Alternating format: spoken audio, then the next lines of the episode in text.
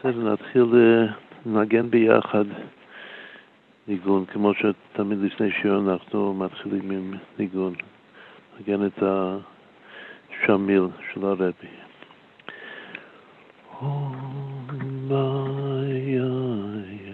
Ayam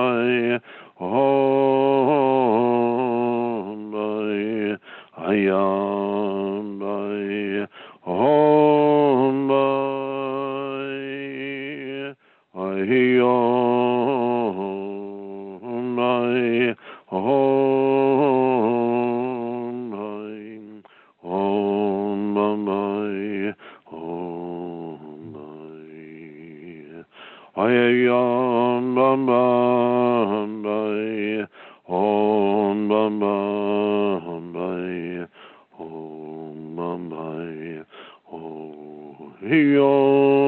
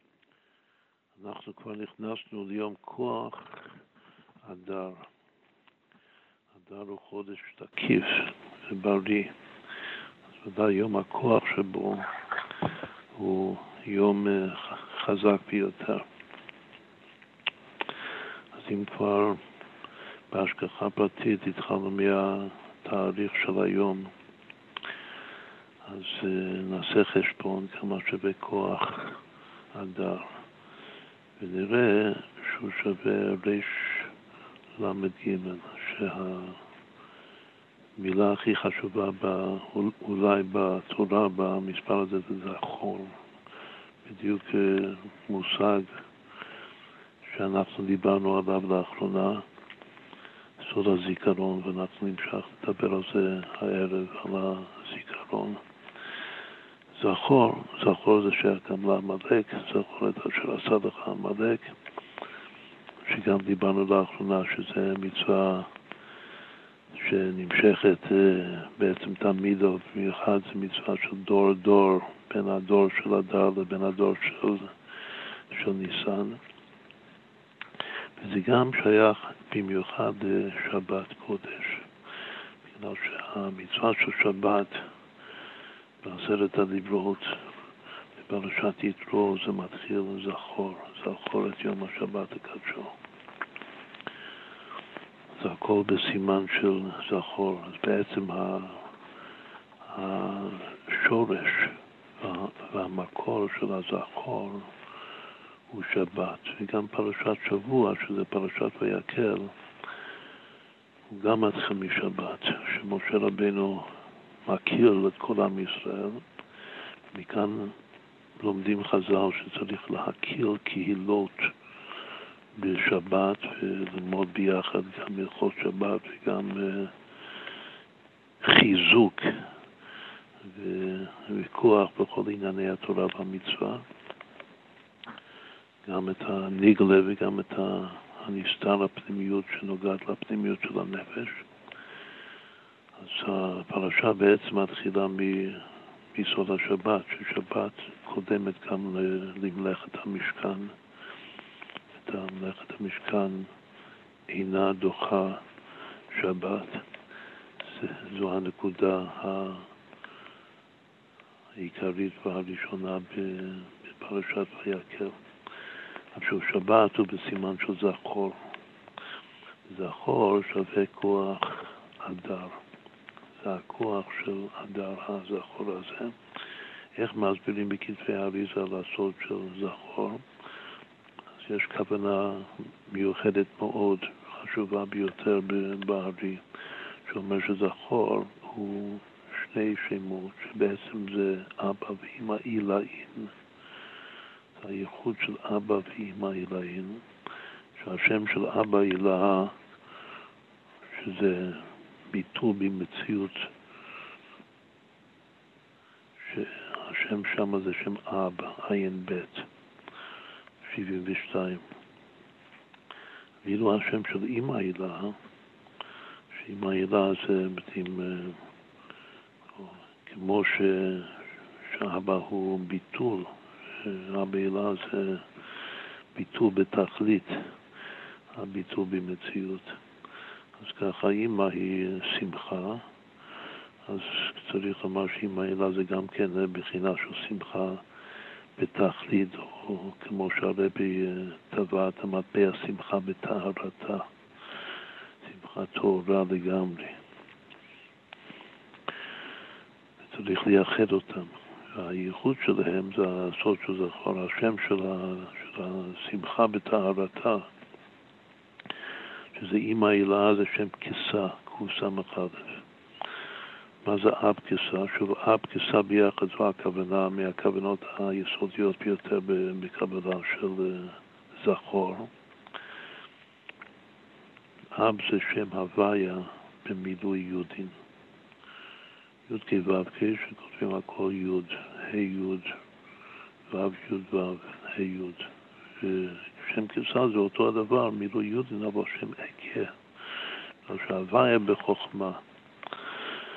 והעקה שאני עתיד להוליד ולהתאבות מחדש, עקה אשר עקה, זה השם של אימא.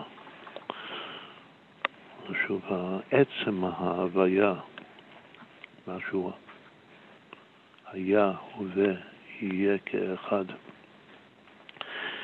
זה שם אב,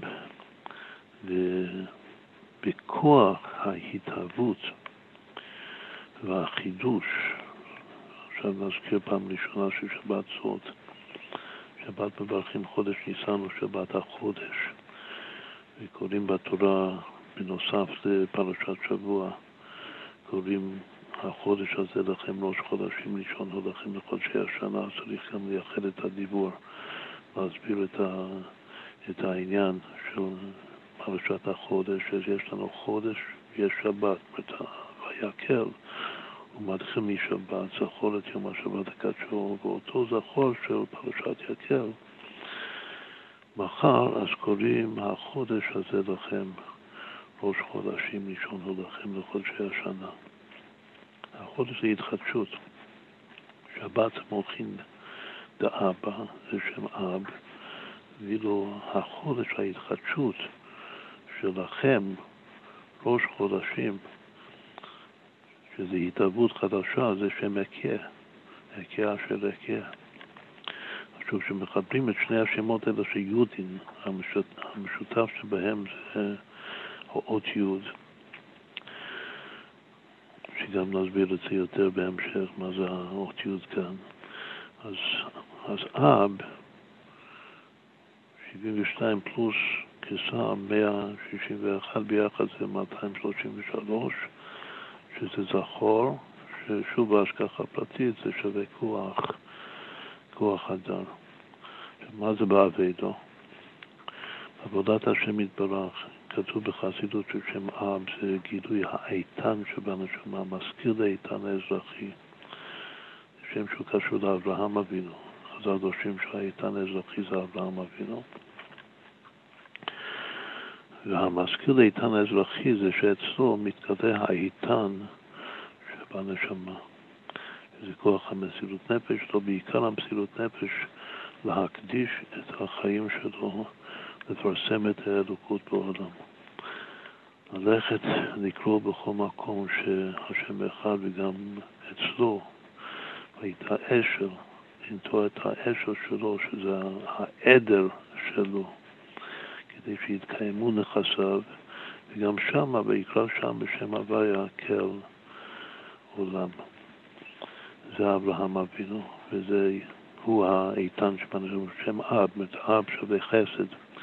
חסד זה אברהם. השורש של קו ימין זה בחוכמה. זה קו החסד, קו ההמשכה וההשפעה לזולת. אבל שוב, הוורט הוא שהמשכיל, לאיתן האזרחי,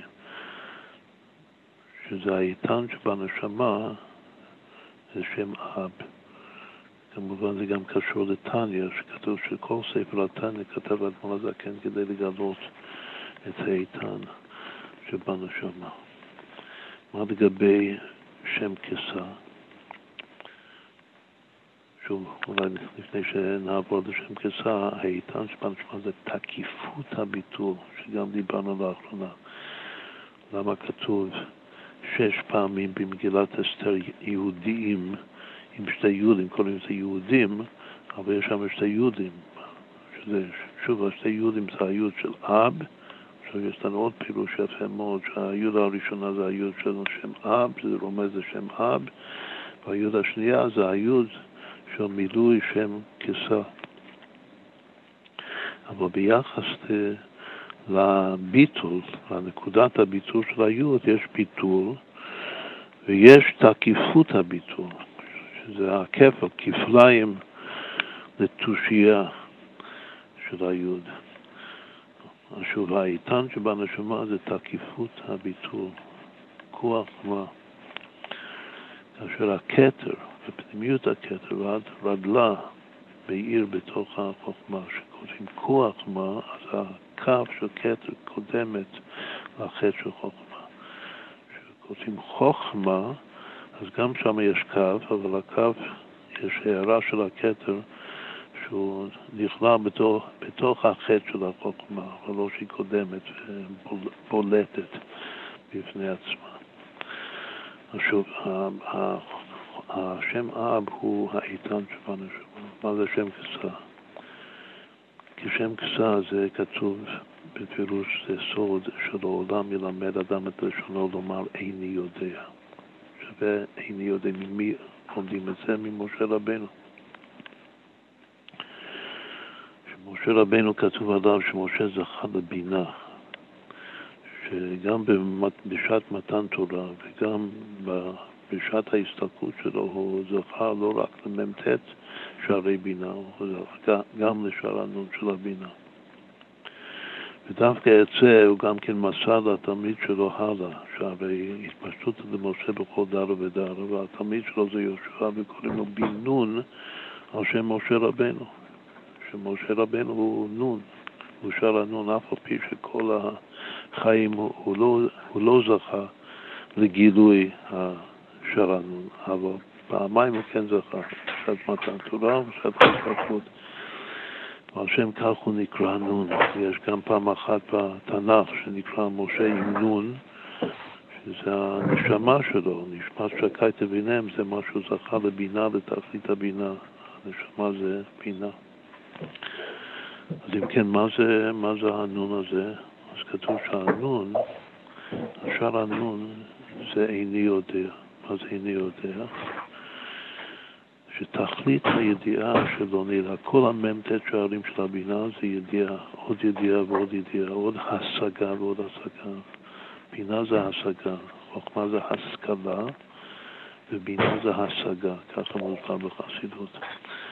וכל המ"ט שערים זה להשיג עוד יותר ועוד יותר. מה זה להשיג? כמו שאדם משיג משהו, שהוא רוכש, הוא קונה משהו בעצמו, ואז הוא גם שמח מאוד. כל השפה הוא שמח.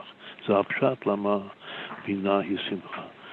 אבל יש תכלית הידיעה, שזה שלנון, אשר לא נדע, לא נדע כלום. ואז השמחה שלו היא שמחה בטהרתה, שזה הסוד של שם כסה, כמו שהסברנו, איני יודע. אז אם כן, בעבודה הזכור הוא חיבור, הרכב, נאמר, של האיתן שבנשמה ותכלית הידיעה אשר לא נדע. איני יודע. לכן הביטוי הזה, גוף איני יודע, שווה בדיוק בגמטרי כסה, השם כסה של אימא. ומתוך האיני יודע הוא מתהווה מחדש. החודש הזה לכם ראש חודשים, ראשון הוא לכם לחודשי השנה. מה זה מזכיר? זה מזכיר את עד לא ידע של פורים, שעדיין עדיין, עדיין ממשיכים את זה הלאה. שהדלו הופך להיות אילד, שם קדוש של אילד, שהוא נולד מחדש מתוך הדלו. וככה מתוך האיני יודע, הוא מגיע לאני יודע, זה בדיוק גם כן הנושא שדיברנו לאחרונה, שכמו שיש עד לא ידע, יש גם עד כן ידע. מתוך הלא מגיעים לכן, שזה גם בחינת משה רבינו, שרנו, לא כן עבדי משה וכל ביתי נאמנו. עכשיו מתוך האיני יודע, שזה כסה, מגיעים לאני יודע. זה מאוד מעניין, שאני יודע זה פשוט שיוד אחת מהמילה איני נעלמת, ואז האיני יודע הופך להיות אני יודע, זה כמו בפסח. בפסח אומרים אני יודע, אחד מי יודע, אחד אני יודע. שניים מי יודע, שניים אני יודע. זה דבר מאוד מאוד יפה, שכל הפסח זה אני יודע. כל הפורים זה איני יודע. אבל פסח הוא כבר אני כן יודע. מה קורה שמחברים ביחד איני יודע פלוס אני יודע? מקבלים חודש, י"ב צילופי הוויה. החודש הזה לכם, ראש חודשים, ראשון הוא לכם לחודשי השנה. כאילו מספר חשוב יותר בקבלת מילה חשובה, סוד, סוד החודש. אז אמנם התחדשות זה מכוח החוכמה והביטוי של ההתחדשות, שמשהו מתהווה, זה דווקא בינה. כתוב שבינה זה ראשית המציאות. חוכמה זה ראשית הגילוי, יש גילוי אור, קודם היה חושך, אז יש אור, אבל אין עדיין משהו, משהו ממשי, שאפשר לנגוע בו, לאחוז בו, לתפוס אותו. אבל בינה זה כבר התהוות ממשית, זה ראשית המציאות, שזה ראשית היש בבינה, שזה דבר חדש, כמו ויקום מלך חדש, שאין לך דבר יש כמו מלך, זה החדש הראשון שכתוב בתורה. כל עוד איך הפתיחה. בכל אופן, ככה אנחנו פתחנו בנושא, בזכות התאריך של היום כוח הדר שווה זכור, וזכור זה אב כסה, אז הסברנו מה זה אב כסה, שזה מה שצריך לייחד, וגם אמרנו, אה, הקדמה חשובה מאוד, ש... שכתוב זכור אומנם אצל עמלק, זה מצווה רמה ונשגבה בתורה, זה מצווה של משיח. אבל המקור של זכור בתורה זה, זה זכור את יום השבת הקדשו. וזאת שבת, שזה התחלת פרשת ויקל. ויקל משה את כל הדת בני ישראל. עכשיו, מה שאנחנו נקדיש הערב את השיעור זה לכמה קטעים מתוך אה, ספר חסידות מאוד מאוד אה, חשובה ועמוקה ולא כל כך ידועה, שזה ספר של אחד מגדולי תלמידי המגיד מזריץ', חבר קרוב מאוד של האדמו"ר הזקן, שגם התגורר בליטא והיה צריך להשפיע על יהודי ליטא, שזה משימה לא קלה, כמו שהמגיד בעצמו ציין. קוראים לו רב חיים חייקה מאנדור. והספר שהוא חיבר, זה, השם שלו זה חיים וחסד, ויותר ממאה שנה זה היה בכתב יד נעלם מעיני כל העולם.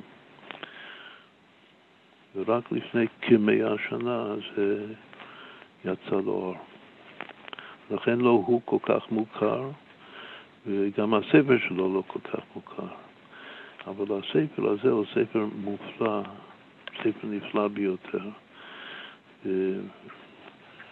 גם הערב אנחנו אה, נלמד כמה קטעים ועניינים מתוך הספר, מה שנוגע לפרשת ויקר וגם מה שנוגע לפרשת ויקרא, שזה שבוע הבא, השבוע הראשון של חודש ניסן.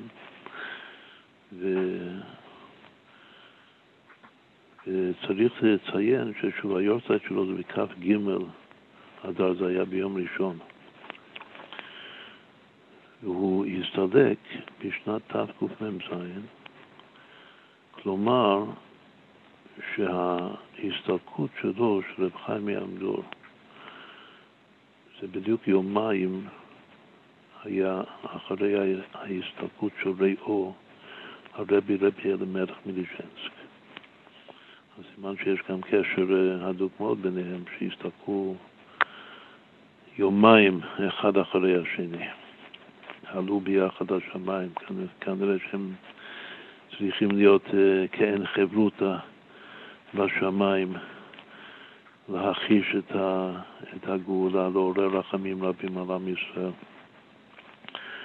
פעם, אה, הרבי, רבי אלימלך הוא הרבי של כל הצדיקים של פולין, וכמו שציינו, רבי חיים יעמדור הוא שייך לליטא. הוא התקרב, לפי גרסה אחת, הוא התקרב על ידי רב הגדול מקדין, שהמגיד שלח אותו, דווקא לקרב אותו. כשהוא הגיע בסוף למגיד בזכות רב אז uh, המגיד אמר שהבאת לי מנורה, מנורת זהב טהורה, שמלאה שמן, ומה שחסר לה זה רק להדליק אותה. רב חיים ימדור היה מתענה הרבה מאוד משבת לשבת. הוא היה אלף לילות ער ללמוד תורה, ובכלל, המגיד אמר לפני שהוא שלח את הבעל, שהוא רואה שיש נשמה מאוד מאוד גדולה ויקרה, מסתתרת לעמדורה, שילך ויביא אותו אליו. לפי גרסה שנייה זה דווקא רבנו יוטס ואלתרבי אדם הזקן, שהם ביחד אה, קרבו אותו למגיד. בכל אופן זו דמות ש... שראוי שכל אחד יכיר ו... וילמד עליו. עכשיו הוא מתחיל את, ה... את הפירוש שלו על פרשת ויקל. ויקל משה את כל הדת בני ישראל.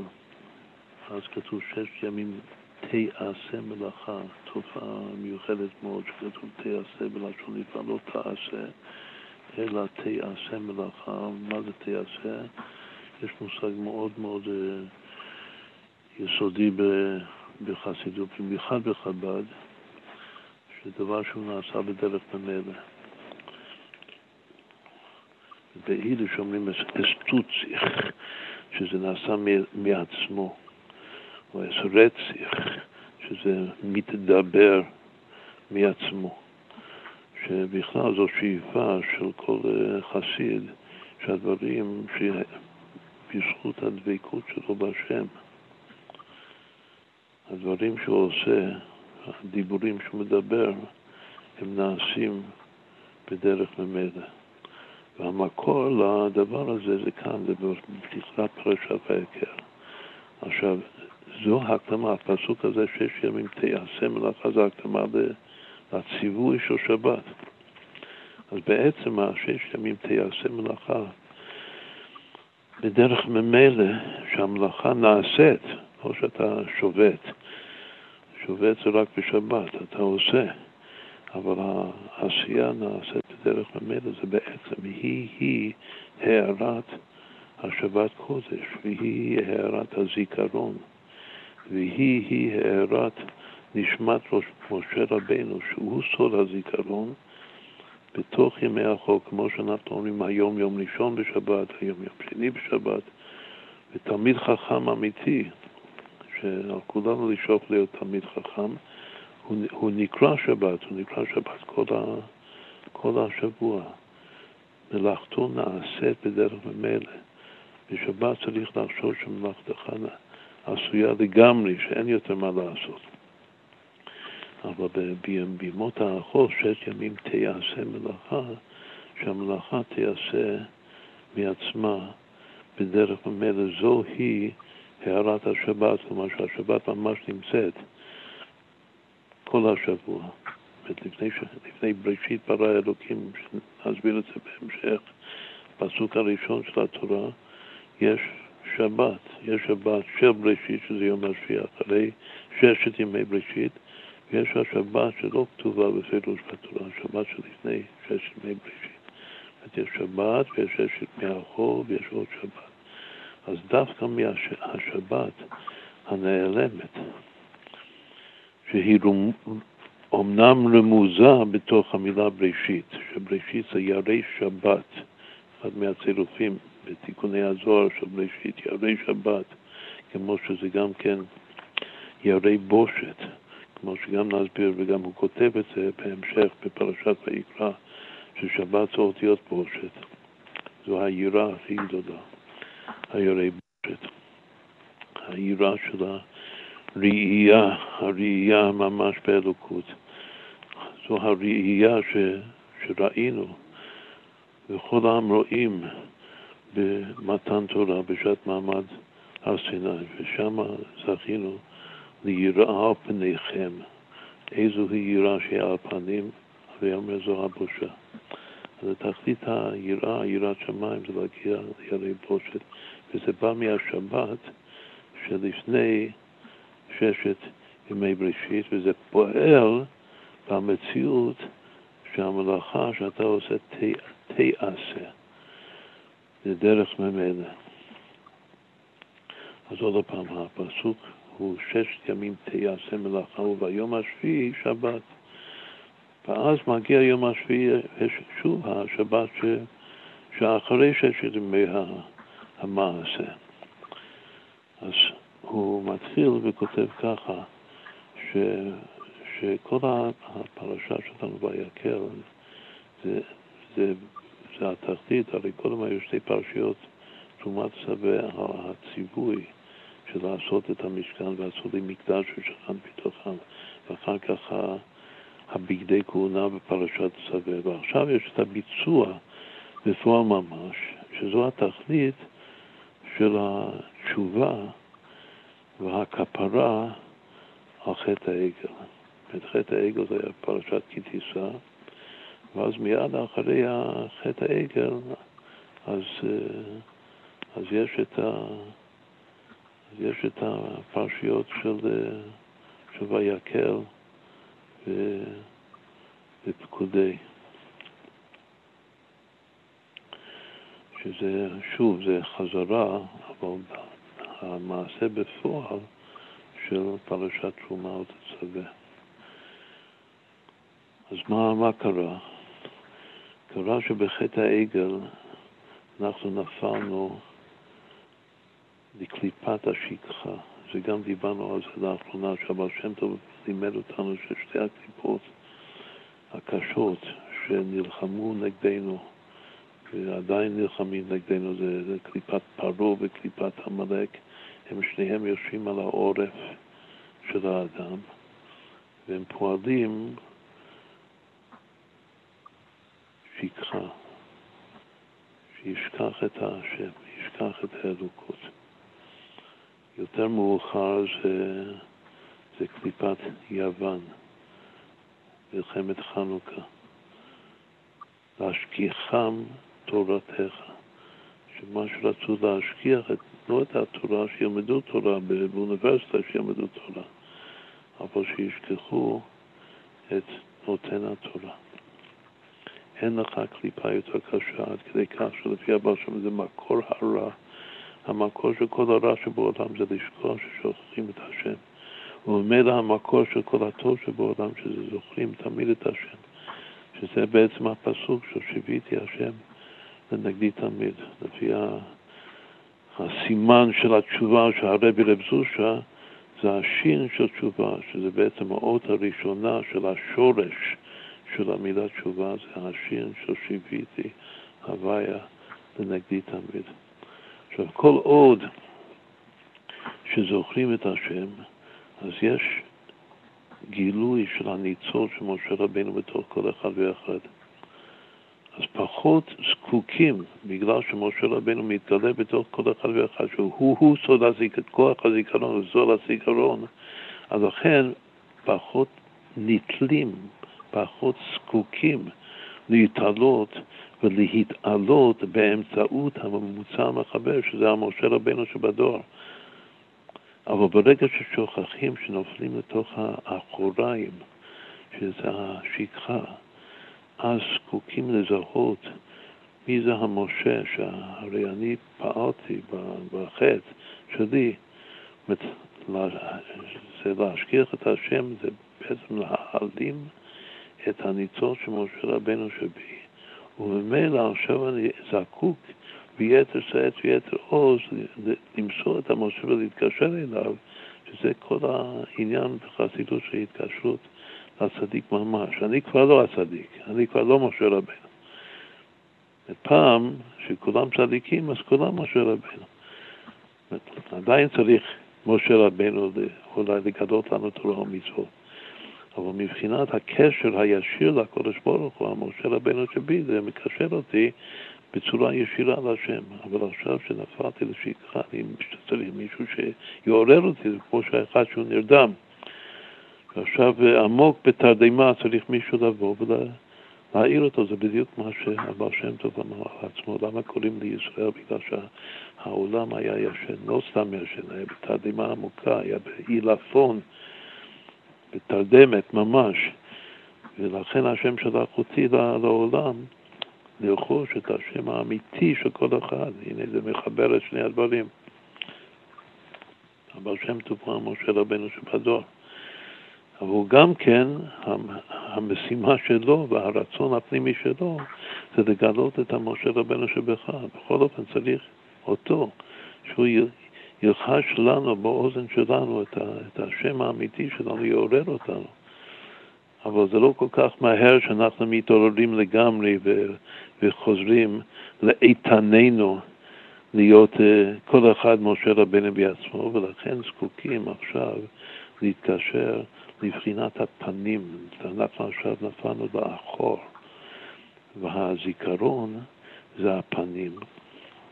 הפנים זה משה רבנו. וכדי להתקשר אלינו, לאחור שלנו, זה גם כן יסוד תורת הבעל שם טוב, צריך שהוא בעצמו ירגיש את עצמו אחור, שזה וראית את האחורי ופניי לא יראו. הוא פנים שלנו, הוא הפנים שלנו. והפנים שלנו מתחברים לקודש ברוך הוא. ועליו גופה, הוא ביקש הרי נינת כבודך, שהוא רצה לראות את הפנים. אם היה רואה את הפנים, מתי הוא, הוא יראה את הפנים, מתי? מתי שכולם יהיו עם הניצות שלו בגלוי בתוכם, שלא יצטרך לרדת, לחבר את כולם, שהכל יהיה בדרך ממילא, כמו שגם נסביר, נמשיך להסביר את הממילא הזה, אז הוא גם יראה את הפנים של הקודש ברוך הוא. בינתיים והריץ את האחורי. מה זה? מה זה האחורי? זה קשר של תפילין. מה זה קשר של תפילין? קשר של תפילין זה גוף הזיכרון, זה מאוד הדעת, הדעת, משה רבינו כמו גם החוכמה הכללית, הוא גם זכה לבינה, והוא גם הדעת הכללית של כל נשמות המצוות, שזה להזכיר את השם, שנזכור את השם. מתוך המוח בצד האחור, העיניים נפתחות לקיים את הפסוק שיוויתי השם לנגדי תמיד, לפניי תמיד. בכל אופן, זה הסוד שמשה רבינו הוא, הוא הזיכרון, וזה הכל התיקון של חטא העגל.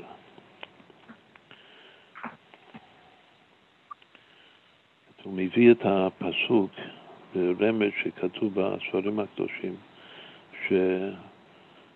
שמזמור שיר ליום השבת, שכתוב שזה גם הפרק שהאדם הראשון אמר אחרי החטא שלו. וגם אנחנו אומרים את זה כל, כל שבת, מזמור שיר ליום השבת, ראשי תיבות, זה למשה. לפעמים אומרים שזה גם נשמע, זה אותו הדבר. איך בעצם בברון מקרדינו, הרב מנדל מביטפס ואלתר רבי, איך קרבו אותו. ראו שהוא יושב שם בהתמדה ולומד תורה, ושאלו אותו, מה אתה עושה? הוא אומר שהוא לומד תורה לשמה. אז אומרים ש... ניקח את הגרסה של הברון, אז הוא שואל אותו, כאילו רק שאלה פשוטה. אתה לומד תורה לשמה ואיפה הדברים רבים.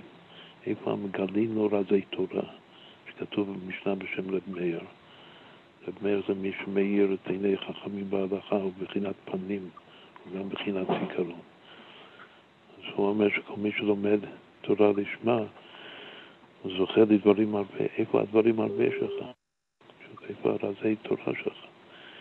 ואז ובאנו אותו אחרי שהוא שואל את השאלה הזאת, האחור מיד קופץ עליה להגדה שלו ואומר לה, לעגלון לדהור, שהסוסים ידהרו להציב את הסוסים חזק, ואז הוא כאילו בורח, אבל זה כבר היה ניצוץ, כמו שהמגיד אמר אחר כך, שרק היה חסר להדליק אותו, רק הוורט הזה, איפה הדברים הרבים שלך, הדברים הרבה, איפה רזי תורה.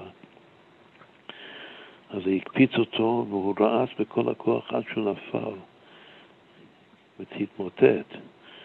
ואז רב אהרון עצר את העגלה, ואז הוא שאל אותו איפה, איפה משיגים את הדברים הרבה, את המגדלים נורא תורה, והוא אמר תבוא איתי למזריץ', שם מגדלים את הדברים הרבה. אז ככה זה, יש הרבה אנשים שחושבים אולי שהם לומדים תורה לשמה. אז צריך שמישהו יבוא וישאל אותם, שישאל אותם טוב, את ה... ואיפה הדברים הרבה שלך. ואז הוא, אז הוא צריך להגיע. צריך להגיע לרבי, והוא עדיין בחינת האחור. אין לו עדיין את, ה... את הפנים של משה רבינו. עכשיו זה הרמז שמזמור שיר ליום השבת, ראשי תיבות למשה, שזה לשמה, בשביל להגיע למדרגה של לשמה צריך להגיע למשה, שהוא הפנים והוא סוד השבת.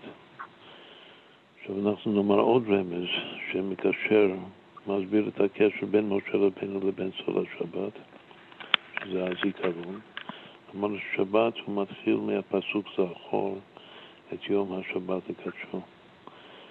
ידוע שהייחוד של נבואת משה רבנו יותר משל הנביאים, שכל הנביאים נתנבאו בקור, כה אמר השם.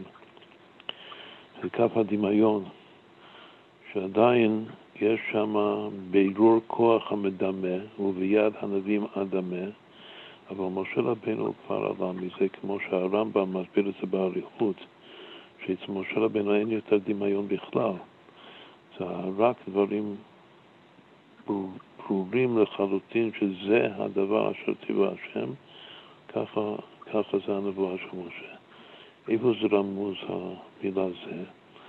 אז הזין היא האות הראשונה של שבת. ששבת זה גם יום הזין, וגם זה מתחיל עם זין זכור, זה הזין של זכור. מה שאמר שכוח הדר שווה זכור. איפה ההי שם? אז אם אנחנו נמשיך את הפסוק זכור את יום השבת הקדשו, יש רק זין אחת פסוק בפסוק, שזה אז האות הראשונה, אבל יש גם ה' אחת בפסוק, זכור את יום השבת. וה' זה הה' של השבת. אם סופרים את האותיות, יש חי אותיות בפסוק הזה. אם סופרים את המיקום של ההי, זה האות העשירית, העשירי הקודש לשם. אז יש את האות הראשונה, שזה הראש של הפסוק, בתר רישא גוף האזיל. זה האות העיקרית, הזין של זכור, ויש את האות העשירית, הקודש של הפסוק, שזה ה' הידיעה של שבת, השבת. את יום השבת לקדשו, לקדשו זה קודש, שבת קודש, שוב, יהיה קודש בהוויה. זה, ה, זה הרמז של נבואת משה רבנו בתוך הפסוק הראשון של שבת בעשרת הדיברות. ואת כל הפסוק הזה, זכור את יום השבת לקדשו המספר שלו זה 1837, זה מספר מגן דוד. זה המספר מגן דוד החי, יש חי אותיות בפסוק, וזה המגן דוד החי. זה שכל אחד אה, יבין את החשבון ויעשה את החשבון.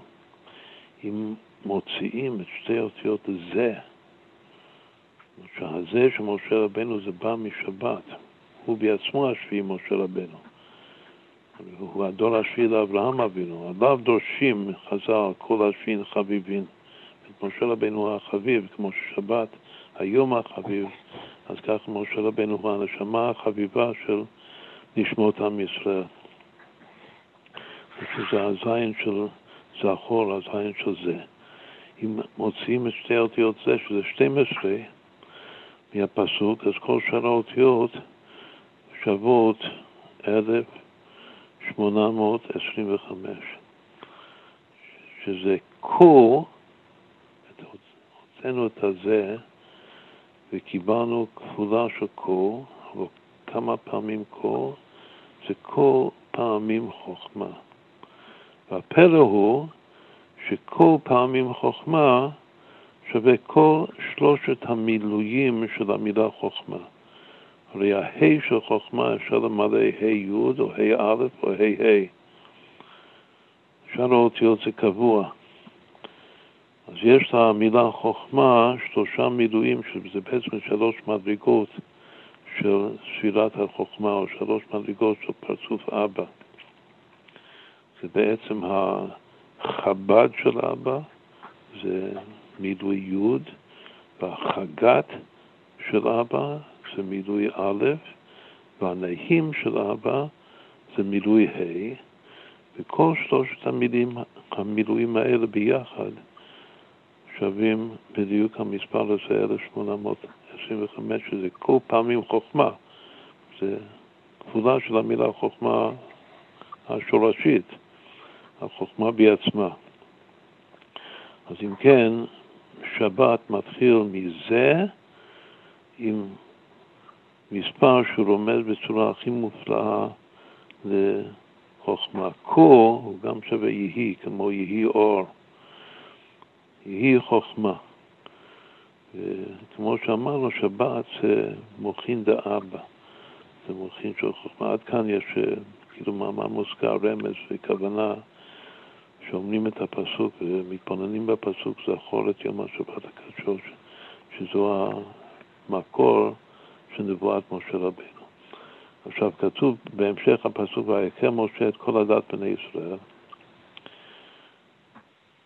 יש קהל, יש עדה. לפעמים כתוב קהל ישראל, ולפעמים כתוב עדת ישראל, אז כאן בפסוק שניהם. ויקל, הייתי חושב שבהמשך יהיה כתוב קהל ישראל. לא, כתוב שהוא הכיר את הדת ישראל. בתרגום אונקלוס אין הבדל, התרגום של ויקל ואכנס, והדת ישראל מתרגם את זה כנישתא, אות, אותה מילה, הוא לא מבחין בין קהל לבין עדה. עכשיו, בפשט זה, זה אותו הדבר. אם כבר אמרנו את המילה כנישתא, אז אה, נזכיר ש, שכתוב כתוב בקבלה שהמשיח יבוא בזכות כנישתא חדא, שאנחנו נזכה להיות כנישתא חדא, שזה כנישתא חדא של, של יהודים שבאמת זוכים ללמוד תורה לשמה, ולא סתם ללמוד תורה לשמה לעצמם, אלא להשפיע. היום שעיקר העבודה זה להשפיע, ללמד הלאה. שיפוץ ומטר חוצה, שזה מה שמכריח אמר לבעל שם טוב. אז צריך כנישת חדה שמקדישים את כל החיים שלהם, כמו אברהם אבינו לקרוא שם בשם השם כל עולם, לכל באי עולם. אז יבוא לנו מלך המשיח בחסד וברחמים תכף מיד ממש. שוב, יש, יש קהל ויש עדה, יש עוד כינוי של עם ישראל, עם. לפני לפעמים אנחנו עדת ישראל, עדת בני ישראל, לפעמים אנחנו קהל ישראל, לפעמים אנחנו עם ישראל. וגם כן אותו חלוקה שאמרנו הרגע של חב"ד וחגת בניהם, או מושכל, מורגש, מוטבע. הדת זה אותיות דת. הדת ישראל זה מרגיש, מבליט את ה... את המוחין שלנו, את המושכל שבנו. קהל, להיקהל, זה מתוך התרגשות. כתוב בספרים הקדושים שויקם משה, זה בעצם זה תיקון של פעם קודמת בתורה שכתוב באותיות האלה ויקל, אבל בניקוד אחר ויקהל, מה כתוב שם? ויקהל העם על הארון. זה פסוק ההקדמה הפסוק הפתיחה של חטא העגל. לכן אמרנו שפרשת ויקל זה בעצם זה בא לתקן את חטא העגל. כך כתוב, שויקל משה זה התיקון של ויקהל העם. אז שם אנחנו עם. ויקהל העם, וכאן זה ויקל שזה קהל, אבל התכלית הוא שהוא הכיר את הדת בני ישראל, שזה עדה. אז יש פה את כל שלוש הרמות, העם זה הנהי, הקהל, ויקהל העם, יש שם גם שניים ביחד, ויקהל העם, ההתפעלות שלהם, גם כן כתוב ויקהל בלשון אה, נפעל, כאילו התפעלות שלהם בדרך ממילא לגריותא, שהתעשה כאן מתקן את ה"ויקהל" שמה, בלשון נפעל, ו... ויש את העדה, התחתית זה להגיע לעדה. אז גם יש בזה גם רמז מאוד יפה, שעושים את החשבון של שלוש הרמות שלנו, של עם ישראל, שזה עדה, קהל, עם, אז ביחד זה, זה משלים לריבוע, זה הריבוע של חי, 324, עדה, קהל, עם. חי חי, הוא יודעך כמוני היום, חי בריבוע. אז זה גם uh, מאמר מוזכר בפני עצמו, שלוש רמות. אז כאן ויקם משה את כל עדת בני ישראל, הוא נותן להם את התכלית שלה, ויקר, שעושים קהילות, כמו בשבת צריך, בשביל מה צריך קהילות? בשביל מה צריך התוועדות עם הרבי, עם אלפי חסידים?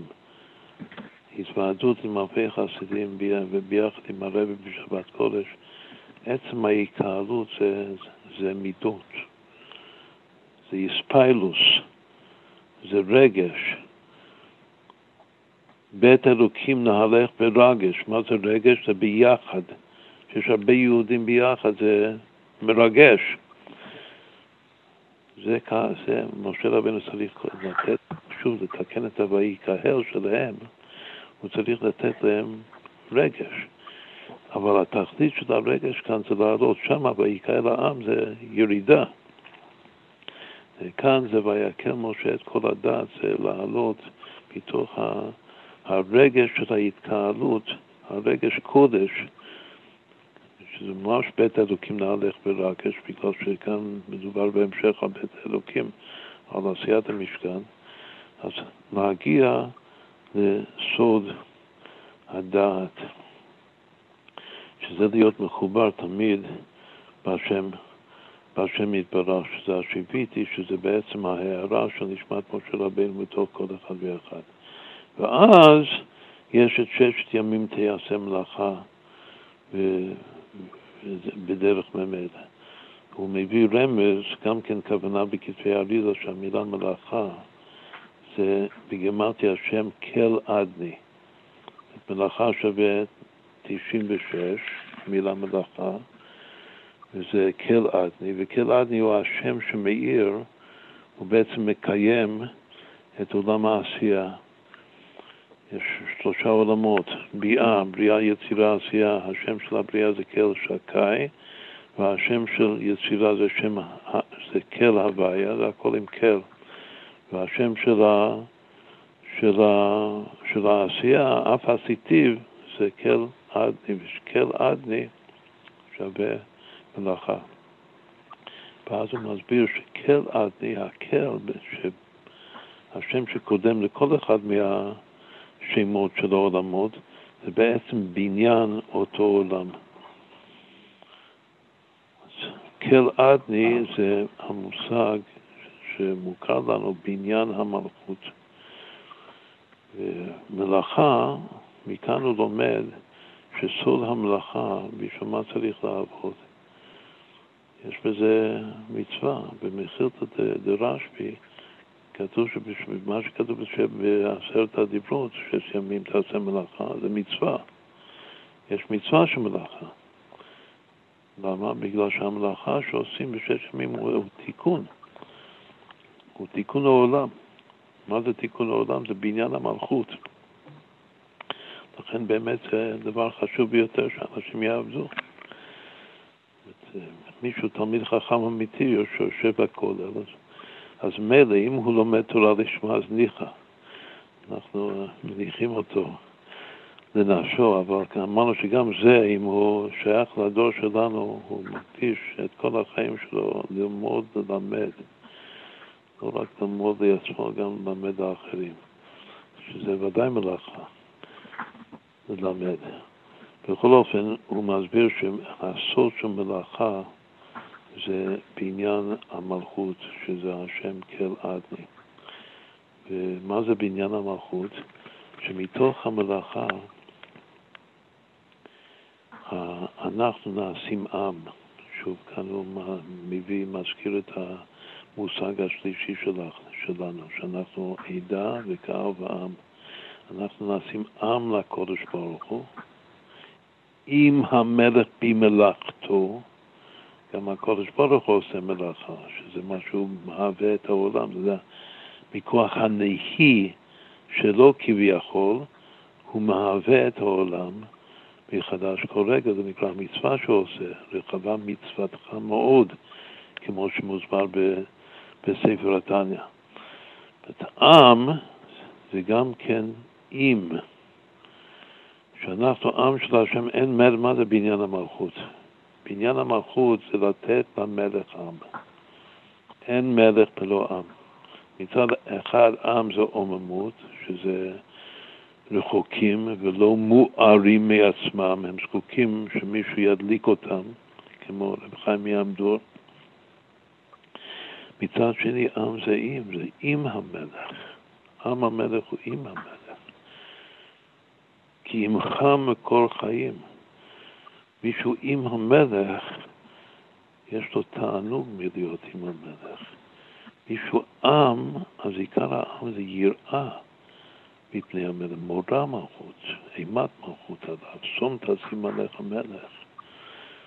אז כמו שנסביר, עיקר הוורד שלו, ש, ששוזר את כל התורות, הוא הקשר בין יראה לבין תענוג. שבעצם זה שתי בחינות שמגיעות לשיא שלהם בשבת קודש. כמו שהזמנו קודם, שבת הוא ירדי בושת, ירדי שבת זה ירדי בושת, זו המדרגה הכי גבוהה של יראה. מצד שני, הפשט של שבת זה עונג, עונג שבת, אז תתענג על השם. שמתענגים על יותר גבוה מי"ק ו"ק, בגלל שהעונג זה כתר, וזה לא סתם כתר, זה פנימיות הכתר, זה עתיק, זה רישא דעין, שעל העין הזה כתוב החוכמה שמוכין דאבא של שבת מעין תימצא, שזה התענוג של השבת. אז אם כן, בעצם תכלית, סוד השבת, זה הייחוד בנפש בין היראה אל ירי בושת. מה קורה בשבת? זה הוא מסביר בהמשך. בשבת המלך מתגלה. לעם זה יום של גילוי. כשרואים את המלך, רצוננו לראות את המלך, כמו בשעת מתן תורה, שלכולי עלמא, בשבת ניתן תורה לישראל, שרואים, אז יש ירי בו, שזה בדיוק מה שהיה במתן תורה. ועבור תהיה יראתו, יראת השם על פניכם, לבלתי תחתיו. מה זה לבלתי תחתיו? לבלתי תיפלו בקליפת השכחה, שתזכרו את השם תמיד. גם בימות החול, שבזכות הזיכרון הזה תיעשה מלאכה ולא תעשה מלאכה. צריך לעשות מלאכה, שוב, מה זה מלאכה? מלאכה זה בניין המלכות.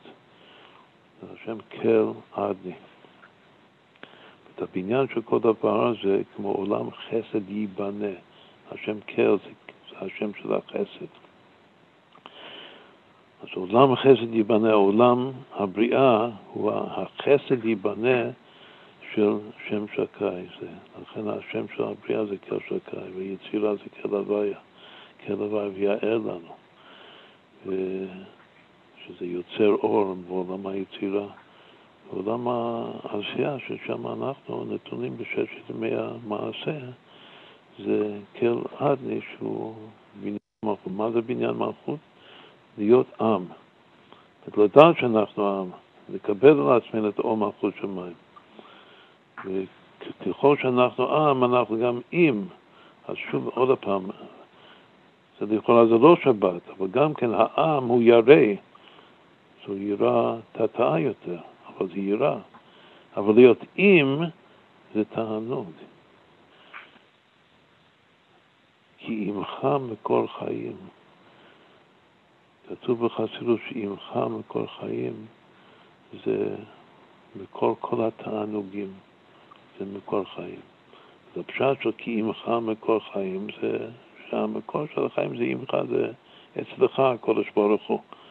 אבל דורשים את זה כי עמך, מישהו הוא עמך. אם יש יהודי שהוא עמך, שהוא עם המלך, במלאכתו, אז, אה, אז הוא בעצמו תואם את המקור חיים. הוא משתתף בתענוג של השם, שלשם כך השם ברא העולם, כמו שנסביר את זה תכף, והוא, והוא מתענג בתענוג אלוקי. עכשיו יש לו גם יראה וגם תענוג. ומי שמחבר אותם ביד, לכאורה זה שני דברים שונים ורחוקים אחד מהשני ואפילו הפוכים אחד מהשני. מה זה, התענוג זה אהבה. מה יפית ומה נעמת, אהבה בתענוגים, פסוק מפורש. וכאן הוורט הוא, שוב, זה וורט של כל הספר, שמה שהולך ביחד עם תענוג זה יראה, שיראה זה הכלי של, ה, של התענוג. הוא דורש בהמשך בפרשת ויקרא, ויקרא אל משה וידבר השם אליו מאוהל מועד לאמור. מה זה סוד האלף זעירה, האלף הקטנה של ויקרא, שמשה הקטין את עצמו. זה התיקון של חטא אדם הראשון שהגדיל את עצמו, האלף רבתי של, של אדם, שהגדיל את עצמו, הכוונה שהוא רק רצה את, את האות הגדולה, רק את התענוג, אבל בלי היראה. היראה זה הכלי לתענוג. אי אפשר תענוג אמיתי ואי אפשר להתמיד שהתענוג יתחדש. הרי תענוג תמידי, אם זה נשאר אותו דבר, אינו תענוג. אבל אם התענוג מתחדש, אז זה מחייל לחייל. וצדיקים אין להם מנוחה, הולכים מחייל לחייל מתענוג לתענוג. מעולם הבא לעולם הבא, מגן עדן לגן עדן, כמו שמוסבר, שיש אין סוף של מדרגות שעולים מיום ליום, מרגע לרגע. וזה הכל בזכות הכלי היראה, הוא אומר, זה הסוד של אור מועד, וגם האלף זה יראה, שמשה רבנו מקטין את עצמו, שזה היראה, הצבען זעירין, שאדם מזהיר את עצמו בגלל שהוא מרגיש שהמלך מדבר איתו, וידבר השם אליו, זה פועל אצלו זעירות. ומאן דיו זער, איהו רב, מישהו זער שזה יירא, איהו רב שזה תענוג. ומי שמחבר את זה משה רבנו, וזה נקרא שהשם מדבר אליו מאוהל מועד. הוא כותב פורט מאוד מאוד יפה שאוהל זה יראה. יש גם רמז שהוא לא כותב שיראה זה שש בחזקת שלוש, אוהל זה שש בריבוע. כמו שיראה זה שש פעמים אוהל, זה ששת הצילופים של המילה אוהל. האוהל המקיף זה שזה קישוט ותכשיט. זה דבר שמענג. זה נמשך דרך המועד שזה הוועד, שזה גם כן הדעת. את הדעת זה תכלית המוחי, נבוא במקום שאתה מונה את הדעת, אינו מונים את הכתר ולהפך, כלומר שהדעת הוא גם כן כלי להמשכת הכתר, ולא סתם החיצוניות של הכתר שזה הרצון, אלא הפנימיות של הכתר שזה התענוג. וזה הסוד של המילה מועד, כאילו בשביל מה באים לבית המקדש? אז באים לבית המקדש להתפלל, באים לבית המקדש להשתחוות, שזה. להתבטל במציאות בפני השם. אבל מה מושך? איזה דבר מושך? בשביל מה צריך בית זה מבט חדש ופנימי לגבי כל המשכן? בשביל מה הקדישו בני ישראל את כל הנדבות שלהם בשביל לעשות משכן, בשביל לכפר על חטא העגל.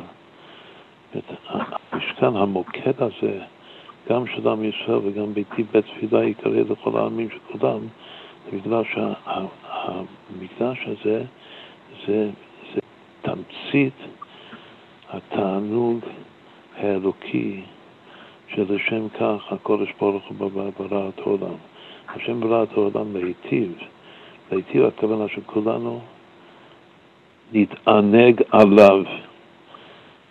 שכל הזמן יהיה או שבת ממש או הערה של השבת, שגם כשאנחנו בונים את המלכות על ידי המלאכה שלנו, המלאכה תיעשה מעצמה.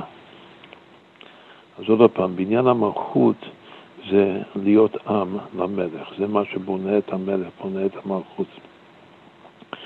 ומישהו מישהו מרגיש את עצמו עם, אז הוא באמת עם. ואם, מה זה עם? הוא עם המלך במלאכתו. הוא משתתף הקודש ברוך במלאכה שלו, שזה ההתהוות התמילית, התמילית של העולם, וזה דרגה מסוימת של דבקות, אז גם בימות החול, אם הוא עם, מלך, אז הוא דבוק בקודש ברוך הוא, ואם הוא דבוק בקודש ברוך הוא, אז המלאכה תיעשה מאליה בדרך ממילא. ואז הוא מסיים את התורה הזאת, הוא כותב, ואז כשיבוא יום שבת, ישרה עליו השם יתברך ממילא. זאת אומרת שגם ביום השבת לא תהיה לו עבודה מודעת, או עבודה מאומצת, עבודה מכוונת. זה, זה הבה עתליא. בזכות זה שהמלאכה שלו, שקיום מצוות המצווה הזאת של רשב"י, של שש ימים תעבוד, ותיעשה מלאכה בדרך המלך, זה יפעל שיבוא השבת בעצמו, אז השראת השכינה, שזה תכלית השראת השכינה ב, בישראל, שזה בעצם התענוג של בית המקדש. ידוע שבמקדש תוקעים בשופר בראש שנה שצריכה להיות בשבת. בגלל שהתענוג של השופר דווקא בבית המקדש זה אפילו יותר מהתענוג הגלוי של כל שבת בפני עצמו, ולכן תוקעים.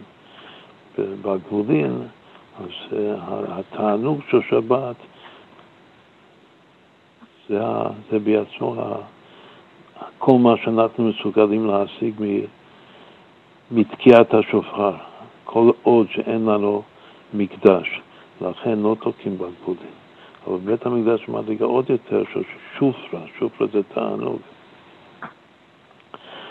אז ככה, ככה זה, זה, זה המצווה הראשונה, וזה מה שמשה רבנו רוצה ללמד אותנו, קודם לתת לנו זיכרון, שזה לתת לנו את עצמו. זיכרון זה הוא, שהוא הוורט כאן, הוורט הראשון, ההתחלה, שה, שהצדיק הוא הזיכרון של כנסת, הצדיק זה נשמה כללית. מה זה נשמה כללית? הוא, הזיק, הוא, הוא הזיכרון של כנסת ישראל, זיכרון השם. לזכור תמיד את הקודש ברוך הוא, לא לשכוח, לא ליפול באחוריים, לא ליפול בתרדמה. אז זה, שהולכים וחושבים על צדיק, והולכים, נוסעים לצדיק. אז בעצם אני נוסע על הזיכרון שלי, לחדש את הזיכרון שלי. עכשיו נלך לפסוק של, של החודש, שזה פסוק החודש הזה לכם ראש חודשים ראשונות לכם לחודשי השנה, שואלים חז"ל. למה התורה התחילה בראשית ברא אלוקים את השמיים ואת הארץ? הרי היה צריך להתחיל מהמצווה הראשונה. ככה רש"י גם כותב בפירוש שלו הראשון לתורה בשם רבי יצחק, שהיה צריך להתחיל את התורה מהחודש הזה לכם, והתירוץ הוא כוח מאסר הגיע לנו, לתת להם נחלת גויים, זה גם רמז לכוח הדר. לפי רבי יהושע העולם נברא מכ"ה באדר, שזה הפנימיות של הבריאה כידוע. זה שתי בחינות של בריאת העולם. בכל אופן, רבי יצחק אומר שהטעם ש... שהשם פתח את התורה בבראשית ברא אלוקים, זה ללמד אותנו כוח מעשה וגידי עמו, לתת להם נחלת גויים. שאם יבואו הגויים ביום כך וכך, אז יש לנו מענה, מענה מנצח. אבל יש עוד דרוש, הרב המגיד, גם בספר מגיד ברב יעקב, גם בספר אור תורה שלו, אז בתורה אור כתוב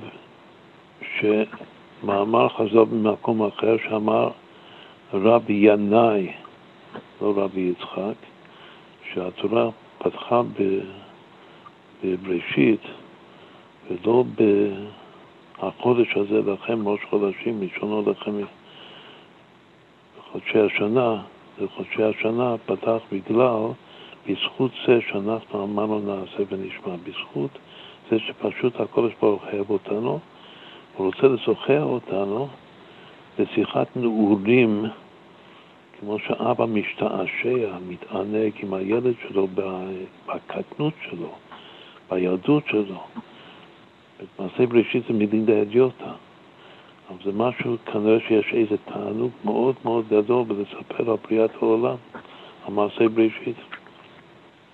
ובשביל שכל בריאת העולם, וגם כל התורה המצוות, זה בשביל להמשיך תענוג לנשמות עם ישראל, שהנשמות האלו ראויות בזכות זה שאמרו נעשה ונשמע כך כתוב שם, אז לכן השם פתח את התורה, זה טעם, כאילו טעם אחר לגמרי, זה טעם חסידי, לכן ספרי חסידות פותחים עם הטעם הזה, אז לכן השם פתח את, את התורה בבראשית.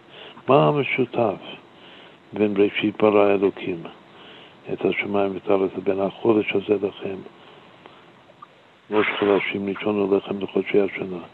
שניהם זה, זה יש, יש חידוש בשניהם, בראשית ברא אלוקים זה גם חידוש. והחודש הזה לכם זה גם חידוש. אז זה מילים דדיוטה, שזה סיפור דברים כאילו בעלמא, וזה מצווה, מצוות עשה שעלינו לקיים, החודש הזה לכם. בכל אופן יש פה נקודה משותפת, אבל כששמים לב, מתפללים פסוק, עיקר המשותף בשני הפסוקים האלה זה, זה המושג ראש בראשית, שבראשית מתחיל בראשית, כתוב שבראשית רומז לבית ראשית. מה שרש"י מביא זה בשביל התורה, בשביל ישראל, שהתורה זה ראשית דרכו של הקודש ברוך הוא, ישראל זה ראשית תבואתו של הקודש ברוך הוא. יש בית ראשית. ויש עוד הרבה פירושים עמוקים מה זה בית ראשית. ואילו בפסוק, החודש הזה לכם ראש חודשים ראשון הוא לכם לחודשי השנה, יש גם כן פעמיים ראש, אבל בצורה אחרת. יש ראש ויש ראשון. החודש הזה לכם ראש חודשים ראשון הוא לכם. עכשיו ראשון בדקדוק, כל פעם שמוסיפים ו' נון, הוא בעצם מקטין, זה כמו שמש ושמשון, נחש, נחשון. ועוד הרבה דוגמאות כאלה. איש, אישון, שאישון זה איש קטן. אז ראשון הוא בעצם ראש קטן, ביחס זה ראש. אז קודם זה ראש. החודש הזה הוא, החודש הזה לכם ראש חודשים. ידעו שהחודש הזה לכם שבין משיח בן דוד הוא הראש, הוא ראש חודשים. ואחר כך, כדי להשפיע על כל שאר חודשי השנה, אז ראשון הוא לכם לחודשי השנה. בכל אופן, גם הראשון, שהוא לכאורה הקטנה, או צמצום, ריכוז לצורך השפעה של הראש, של עצם הראש, הוא גם יותר מהראשית. לכן הפסוק החודש הזה לכם ראש חודשים ראשון לכם לחודשי השנה הוא יותר מהפסוק הראשון של התורה בראשית ברא אלוקים את השמיים ואת הארץ.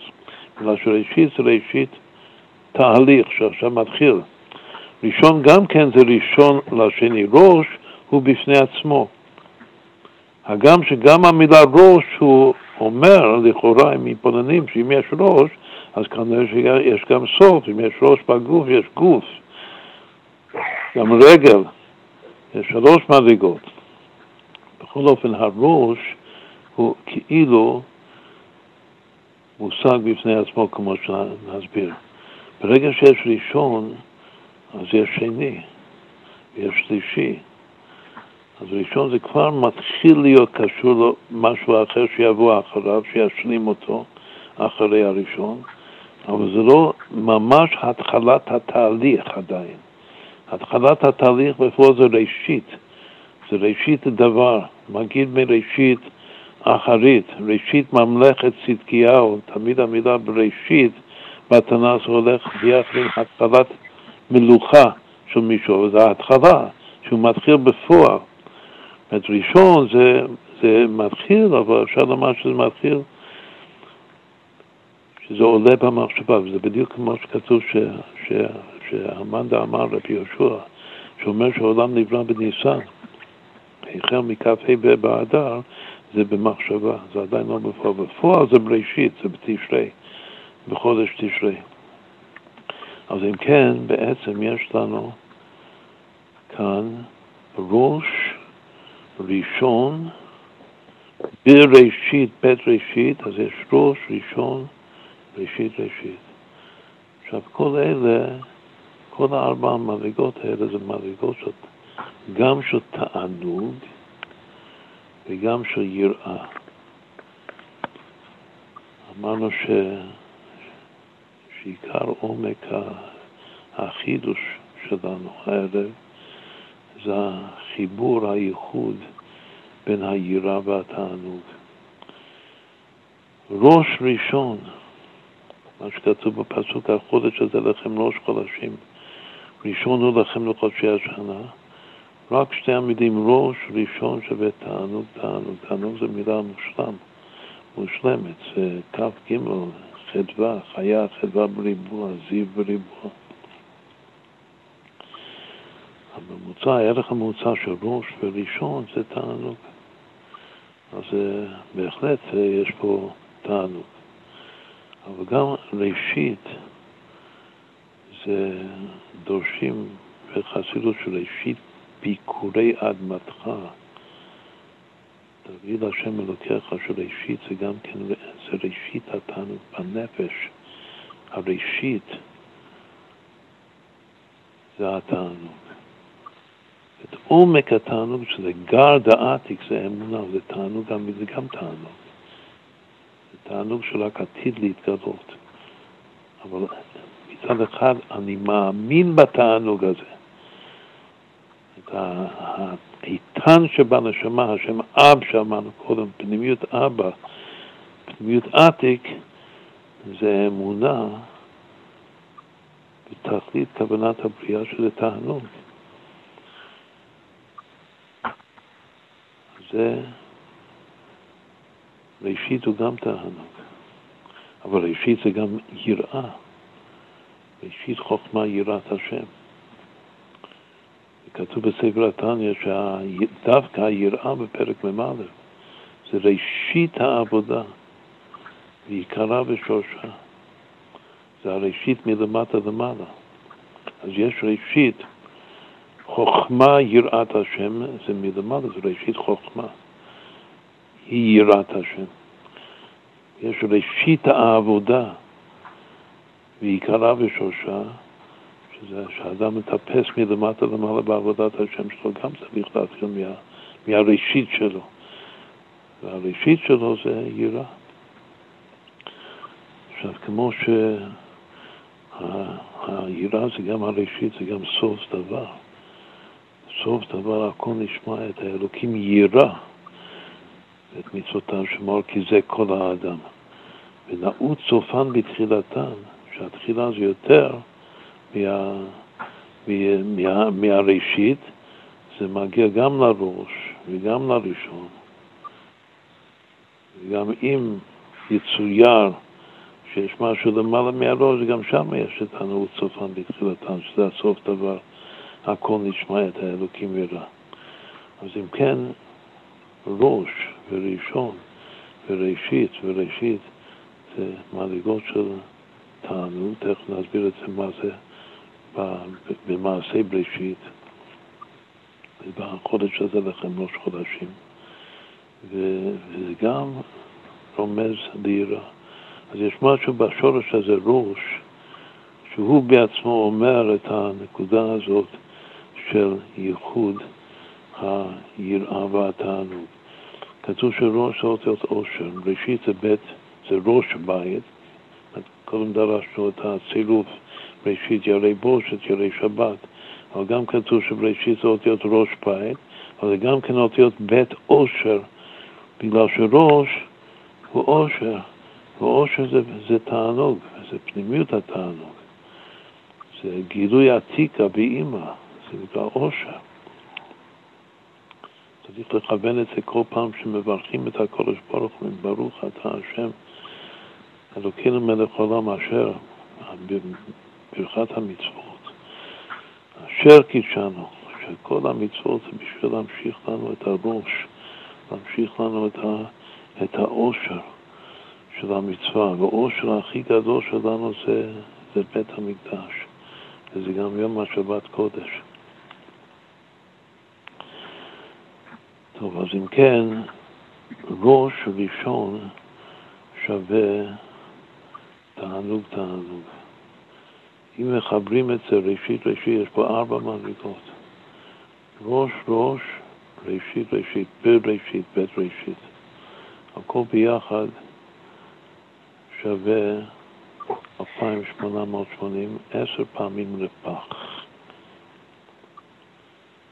יש פה שלמות, לפח זה ריבוע כפול של קדם, של זה בריבוע, זה הכל בסיס זה שמשה רבנו זכור את יום השבת הקדשו. זה גם כן מספר אה, מושלם מאוד, אבל נסביר את הפנימיות, הכוונה הפנימית. לפני הצמצום הראשון,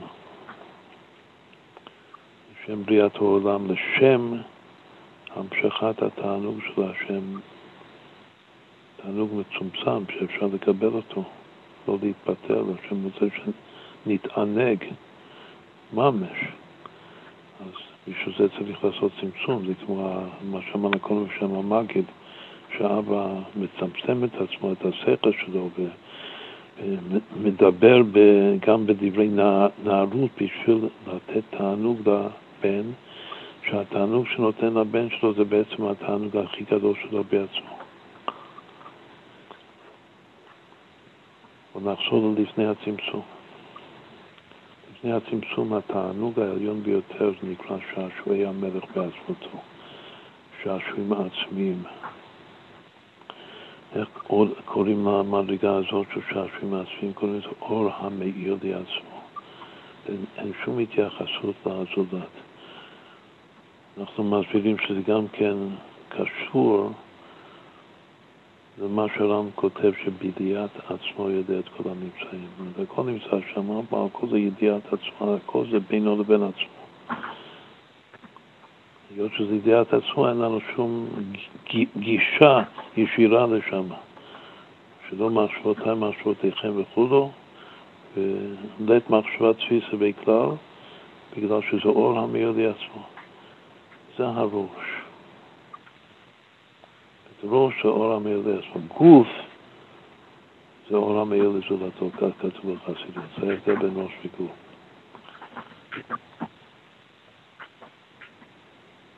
מה זה ראשון? ראשון זה המושג ששוב, שמי שהכי מדבר על זה זה המג נפש. שכאילו נשאלת השאלה שאם יש אור, לי עצמו, יש שעשועי המלך פרשתו, אז משום מה הוא צריך עולם בכלל.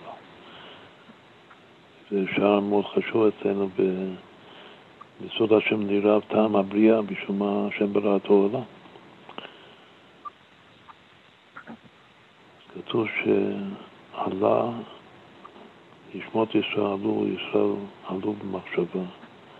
מה זה ישראל עלו במחשבה? שהשם ראה וצפה את התענוג הגדול שהוא יקבל מנשמות הצדיקים המלובשות דווקא בתוך גופים גשמיים בעולם הזה התחתון שאין תחתון למטה ממנו.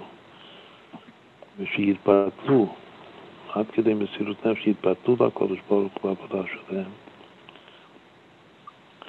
אז הוא ראה את התענוג שהוא יקבל מזה, סימן שהתענוג שהשם צופה שהוא יקבל מנשמות הצדיקים שבתוך גופים זה מוסיף אפילו על התענוג העצמי של שעשועי המלך בעצמו, זה פלג פלואים.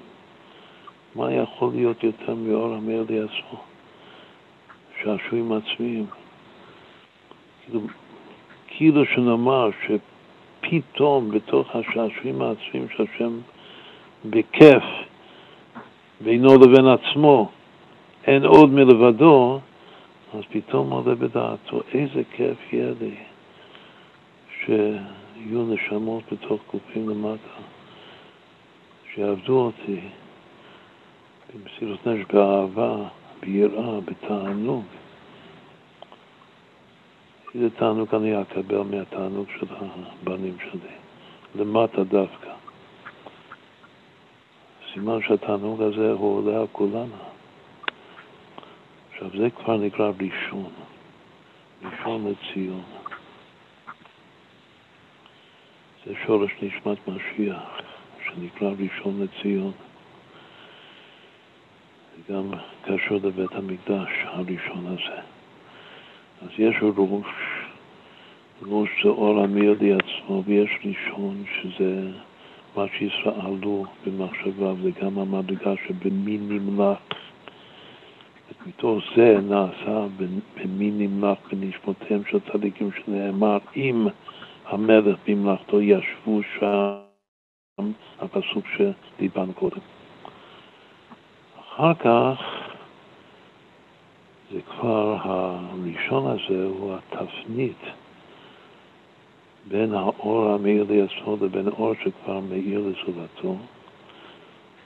האור שמאיר לזולתו זה עדיין לפני הצמצום הראשון. אז התעוררות האור המאיר לזולתו זה בשתי דרגות, בשני שלבים, שזה נקרא ראשית ראשית.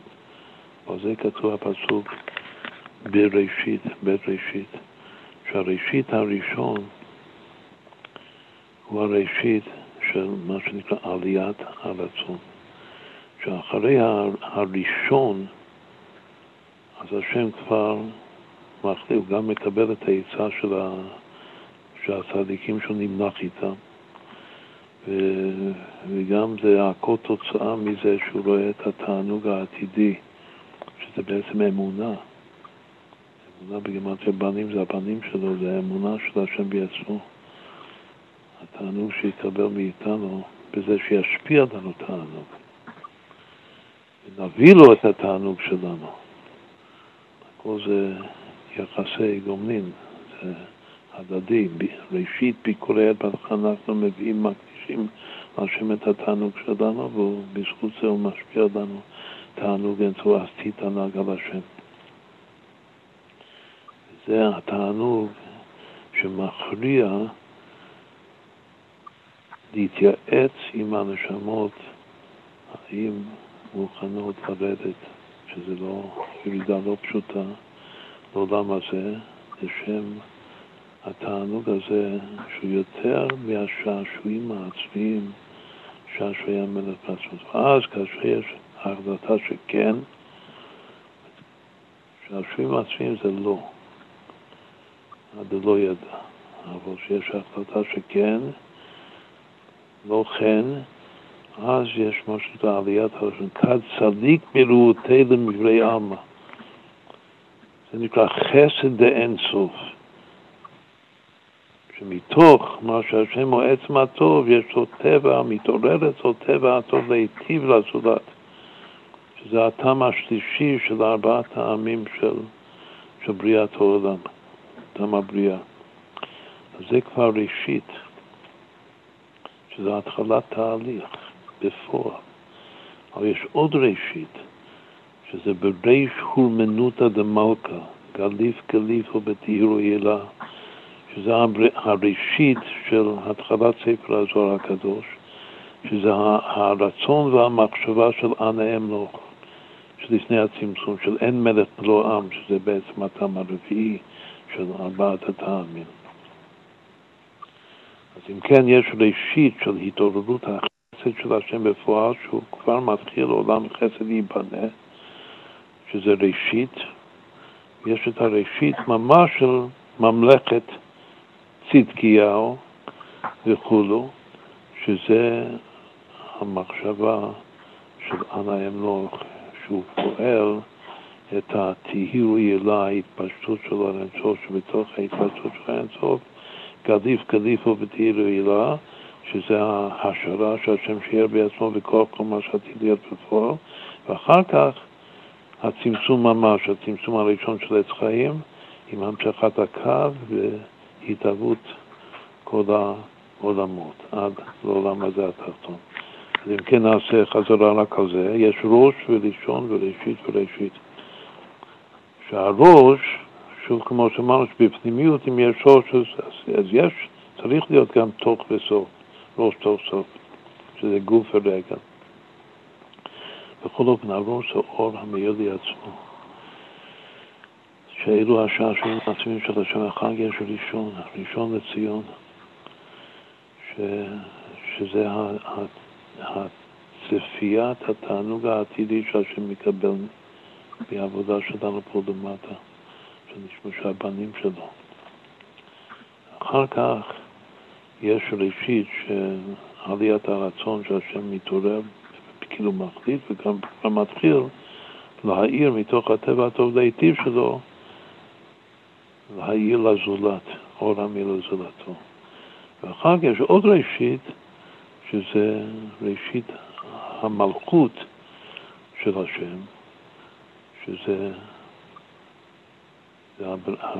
בריש אומנות הדמלכה, המחשבה של הנאמנו, שפועל בפועל התפשטות של אור אין סוף שנקרא תהירו הילה, שמקום אחד זה גם נקרא מלכות אין סוף.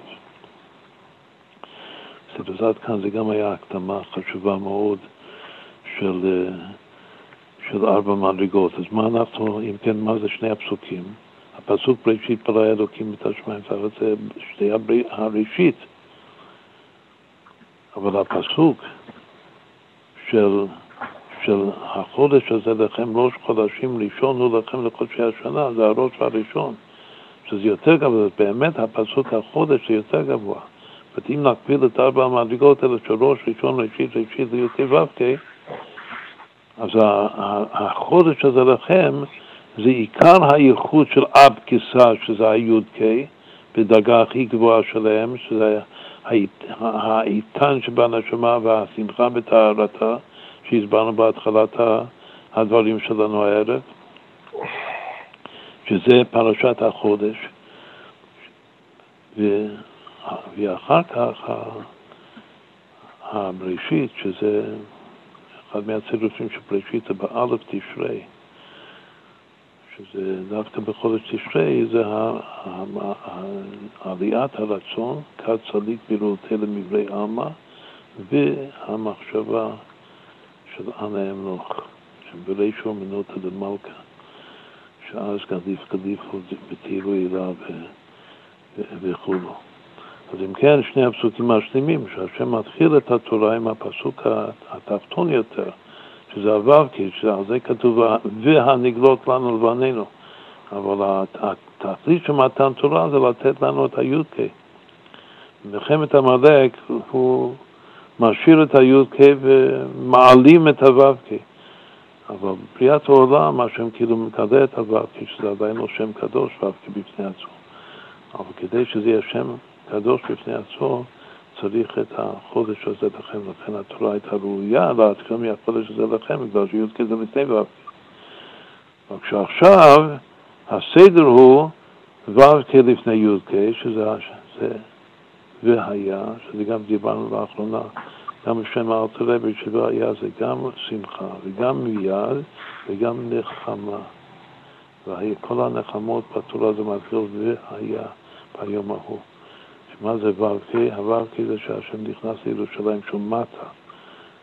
הו"ו נכנס לאיתתה, ואז, ורק אז, כתוב, לא אבוא בעיר עד שאני אכנס לירושלים של מטה, ורק אז י"ק שהשם נכנס לירושלים של מעלה.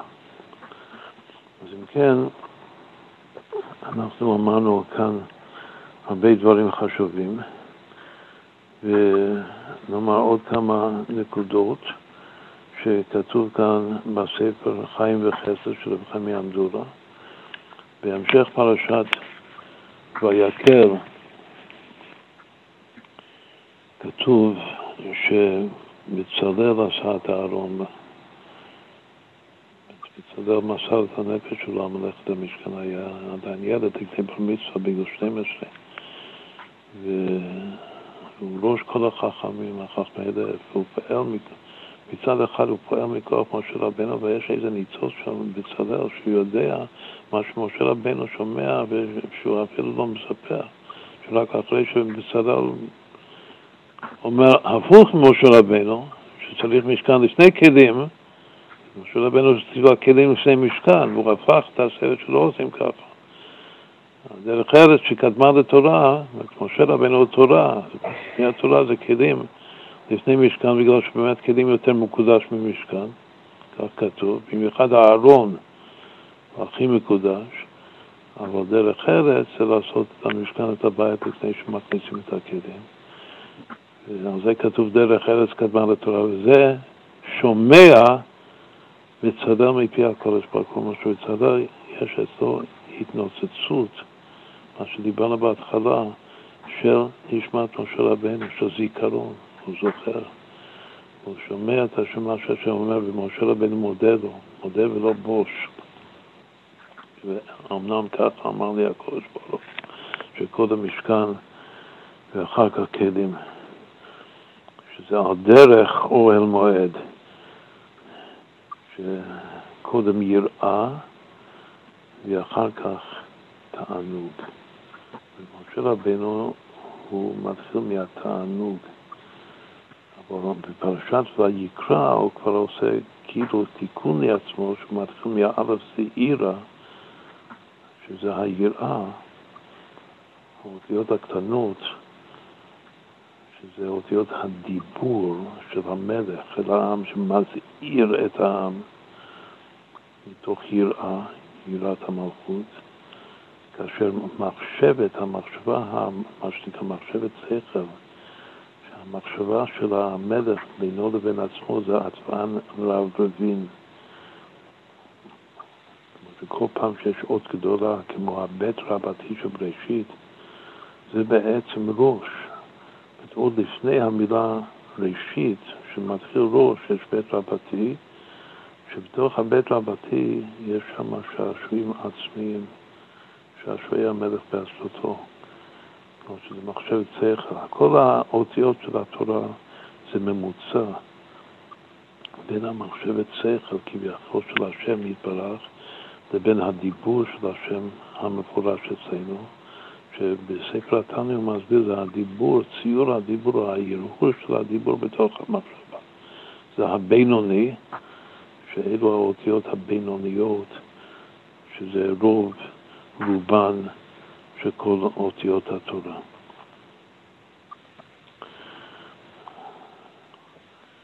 הוא מסביר כמה פסוקים בשיר השירים, שפסוק אחד אומר, שחורה אני ונאווה בנות ירושלים.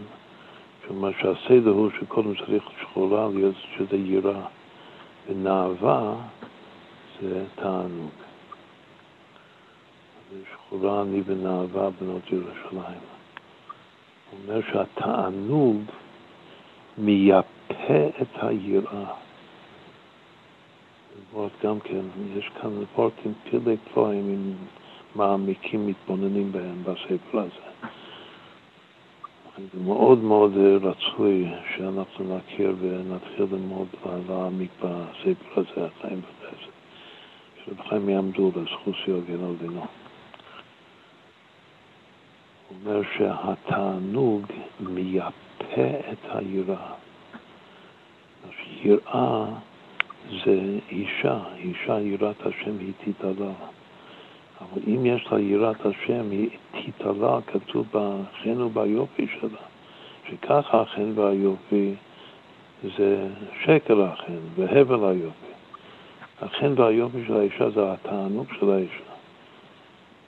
אבל התענוג הזה זה גם יכול להיות, אם זה תענוג מעולם הזה, תענוג של שכחה, לא של זיכרון, אז שקר לכן ואישה יראת השם, אז היא תתהלל, שהיא תתהלל, הכוונה שהתענוג כן שייך לה, כמו אצל האימהות, והתענוג מייפה אותה, זה הלשון שלו. לכן, אחר כך למשל שכתוב בעוד כמה פסוקים הלאה, זה בפרק ראשון של של שיר השירים, אם לא תדעי לך היפה בנשים. היפה בנשים זה, זה כבר תענוג. אישה סתם זה יראה, אבל היפה בנשים שאישה יראת השם היא תתעלה זה, זה תענוג. אם לא תדעי לך היפה בנשים, אם אין דעת, ההתקשרות והתחברות לתענוג, שזה נקרא יפה בנשים, צאי לך בעקבי הצום. צריך להגיד העקביים, מה זה העקביים? עקב ענווה יראת השם. צריך לרדת ולחפש את דווקא את ה... להתחיל מההתחלה, מהראשית, העבודה ועיקרה ושורשה מלמטה, שזה, שזה היראה, יראת שמיים, להתחיל מהיראה, ומאז חוזרים להתחבר שצאי לך בעקבי הצאן וראי את גדיותייך. צריך, ראי זה גם כן להתקשר ולהתחבר לגדיותייך. גדיותייך זה לשון הגדה, הגדה זה המשכה, זה המשכת מוחין, שזה השכל והחוכמה של משה רבינו שבעצם מחבר בין היראה לבין התענוג. על משכנות הרועים שתגיע יותר גבוה מאשר ההמשכה שהרועים שהם האבות, כך הוא מסביר, שזה החגת ששורש התענוג זה יותר גבוה מהחגה, גם החגה כמו שזה בכתר. שזה בחינת עתיק זה רשת העין, ואפילו בתוך עתיק הוא אמר שעצם נקודת התענוג זה התענוג העתידי, שזה האמונה הפשוטה. זה נקרא על משכנות רעים, זה צריך לראות את זה בפנים ולהתבונן בזה עמוק בפסוק הזה. אם לא תדעי לך היפה בנשים, אז צאי לך בעקבי הצאן וראי את גדיותייך על משכנות הרועים. שוב, פסוק נפלא ופירוש. אף זה יופל איכשהו, איך שהוא מסביר את זה. עוד הוא מסביר שלפעמים כתוב אישי ריח ניחול, אשר כל העם, עכשיו אנחנו נתמקד בפרשת ויקרא. בפרשת ויקרא יש קורבן, זה פרשת הקורבנות, זה מתחיל להיות uh, תורת כהנים. והקורבן, התכלית של הקורבן זה ריח ניחוח לשם. ניחוח זה תענוג, המילה ניחוח. ריח זה רוחניות, ריח זה החוש של משיח. מולך ודיין. הריח בחגת זה התפארת, הוא מסביר. אבל התפארת זה בריח התיכון, בתוך המילה בריח זה בריח. זה בריח התיכון המבריח מן הקצה לקצה, שזה מגיע למטה, מלמטה למעלה, מלמעלה למטה, מן הקצה לקצה, מגיע מלמטה למעלה עד הכתב, עד פנימיות הכתב, ועד פנימיות פנימיות הכתב, שזה רגלה ממש, שזה התענוג העתידי. זה הריח, הריח מגיע לתכלית עצם הניחוח, שזה הניחוח, זה התענוג, שזה התכלית. אבל אישה זה לשון אישה, שזה אישה יראת השם. אז כל פעם שכתוב אישה ריח ניחוח, זה יראה תענוג. זה הייחוד, על ידי הריח, זה הייחוד של האיש, האישה זה אישה, שזה יראה, אבל זה ניחוח. ניחוח זה תענוג שצריך לחבר אותה. אבל יש לפעמים שכתוב גם סדר הפוך, כתוב ריח ניחוח אישה לשם. יש שכתוב אישה ריח ניחוח לשם, האישה קודם לריח ניחוח, ויש סדר שכתוב ריח ניחוח של השם, מה ההבדל ביניהם? הוא אומר שזה ההבדל בין בן ועבד, אם כבנים, אם כעבדים. הגם מאיר, שהוא בחינת פנים, בחינת זיכרון, הוא אומר שבין כך ובין כך אומרים בנים. שבעצם כולנו, כל עם ישראל, כל נשמת עם ישראל, כולם בנים וכולם, יש ניצוץ שמו של רבינו ואפשר לגלות בתוך כל אחד ואחד את הניצוץ שמו של רבינו שבו. בכל אופן, על פי פשט, אז אם כבנים, אם כעבדים, מה ההבדל? הוא אומר גם כן וורט עמוק. יפהפה שבן הוא חקוק על לב האב. כי בנים אנחנו חקוקים תמיד על לב הקודש ברוך הוא. ועבד הוא לא חקוק על לב האדום שלו. הוא חשוב מאוד, אבל הוא לא חקוק על הלב. שוב, זה צריך להתבונן בזה עמוק. עכשיו, מה, מה הפועל יוצא? מה זה אומר ש, שהבן הוא חקוק על לב האב, על לב הקודש ברוך הוא? אומר שברגע שהוא מתעורר ברצון, רצון השם, יש לו התעוררות, להתקרב לקודש ברוך הוא, קורבן זה לשון, להתקרב, אז מיד זה פועל ניחוח. מיד זה עושה את התענוג שלשם התענוג הזה, מה שאמר זה הראשון, הראשון לציון לשם התענוג הזה, השם ברא את העולם. זה נקרא שהוא חקוק על הלב, שמיד שהוא מתעורר ברצון, הוא כבר פועל את התענוג. מה, זה שכתוב ריח לאכול חישל השם, אבל בכל אופן, כדי להשלים את הכוונה של לעשות לא יתפרץ דירם בתחתונים, שזה לתקן את העולם הזה התחתון שאין תחתון למטה ממנו, הוא צריך לעשות מייסה, ביראה. הוא צריך אישה להשם, הוא צריך להביא אש. אש זה אהבה ויראה ואש טוב זה, זה מעשה בפועל. שלא ייראו פניי ריקם, הוא צריך להביא קורבן ממש. אבל עוד לפני שהוא עושה את העובדה, את הקורבן זה נקרא העובדה, עוד לפני שהוא עושה את המעשה, שזה הישל השם, יש כבר ריח ניחוח ברצון הרוחני שלו, יש כבר ניחוח, זה כבר עושה נחת רוח, עושה תענוג לקודש ברוך הוא. אבל זה שכתוב כל פעם בסדר הרגיל יותר בתורה, שזה ישי ריח ניחוח לשם, זה הולך על העבד שלא חקוק על לב הקודש ברוך הוא, אז אפשר לחשוב שהוא בכלל לא עושה תענוג. לא, גם הוא עושה תענוג, הרי אין מלך ולא עם. שגם העם, אדרבה, יש איזו מעלה מיוחדת בעם שעושה תענוג. מתי עושה תענוג? דווקא במעשה שלו. דווקא בעובדה שהוא מקטים את האישה, שזה העובדה, בפועל ממש, אז אישר ריח ניחוח השם. מתוך העובדה הוא עושה נחת רוח. אבל הבן ממש, רק ברצון, בפנימיות, הוא כבר עושה את הניחוח לקודש ברוך הוא. זה, זה וורט מופלא ביותר. נסיים עם עוד וורט, שנחזור לפרשה, אמרנו שמצדה עשה את הארון. הארון זה הכי מקודש במשכן. ויעש בצדה את הארון עצי שיטים. אחר כך ההמשך הוא ויצפהו זהב טהור מבית ומחוץ, ויעשו זר זהב סביב. זה פסוק שלם. ויצפהו זהב טהור מבית ומחוץ, ויעש לו זר זהב סביב. כל הפסוק הזה שווה מה יפית ומה נעם תאווה ותענוגים. אבל הוא אומר שסתם זהב זה יראה הילה, זה לא אהבה, בגלל שאהבה זה כסף, כיסופים. כתוב כמעלת הזהב על הכסף, זה המעלה של היראה, הילה, הירי בושת.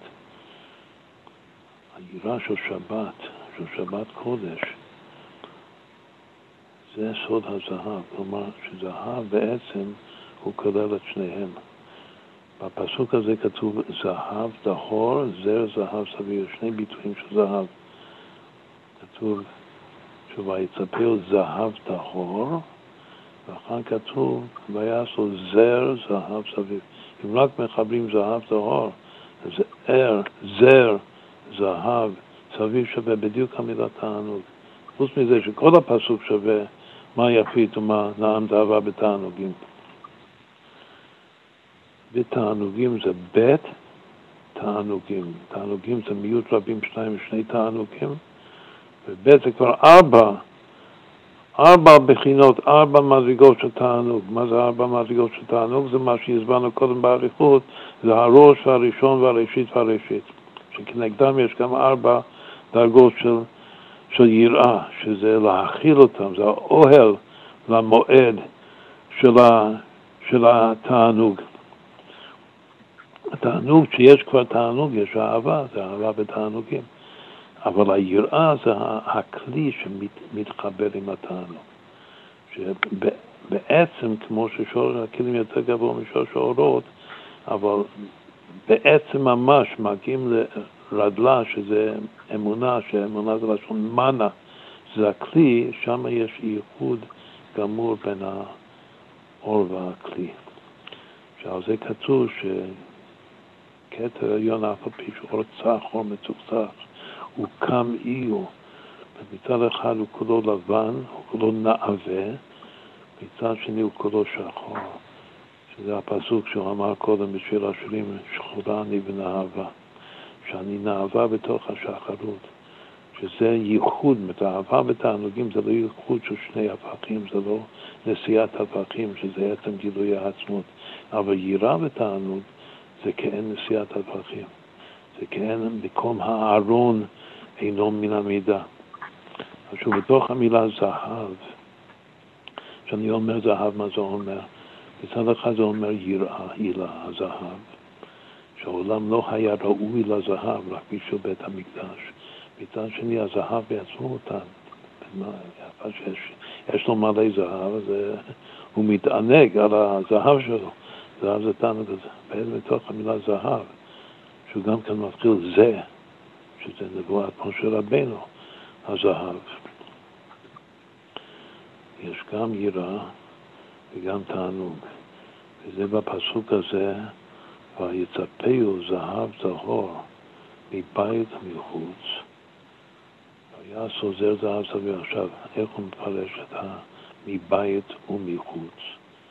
מה הפשט? שבאמצע, קודם בצלאל עשה, ויעש בצלאל את הארון עצי שיטים. שזה הארון של עצי שיטים. עכשיו בהמשך הוא יסביר שעצי שיטים זה, זה הארון בעצמו. המילה הארון זה אותיות אהרון, כתוב חסר הארון, ה' א' ר' אותיות אהרון. ודווקא בארון, שזה שוב הכי מקודש בכל בית המקדש. יש תיקון של הארון. מה זה התיקון של הארון? מי שעשה את העגל. שהוא עשה בכוונה, וכך יצא, וכך התורה אומרת בפירוש, את העגל אשר עשה הארון. התורה אומרת שהארון עשה את העגל. צריך לכפר על הארון, משה רבנו התפלל, התנפל בשביל לכפר על הארון, הוא פעל רק חצי, אבל אה, הכל זה הארון. קודם דיברנו על הסוד של המילה ויקל, שויקל זה מתקן את הויקהל. האם יש עוד ויקל בכל התורה כולה? בכל חמישה חומשי תורה יש עוד ויקל אחד. שזה ויקל עליהם קורח, את כל העדה. במחלוקת קורח כתוב שקורח יקל עליהם, מה זה עליהם? נגד משה ואהרון, מה שכתוב בפסוק הקודם. היו שם משה ואהרון, ויקל עליהם, אז יש להכיר שזה ממש הלעומת זה של הקהל הקדוש, שזה הרגש הקדוש של עם ישראל, שזה זה להתרגש, לחלוק חס ושלום על משה ואהרון, שזה מחלוקת כל גם שם יש והקל. אז בעצם יש בתורה שלוש פעמים האותיות האלה, אבל פעם ראשונה ויקהל, ואחר כך שתי ויקהל, ויקהל העם על אהרון, הכל מתחיל מאהרון.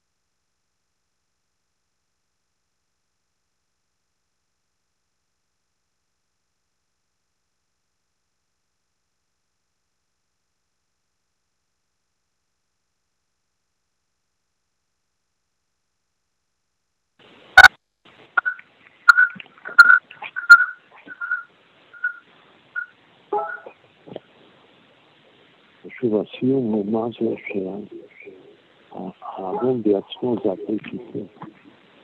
מה זה תענוג? הארון של עץ. מה כתוב על הפי?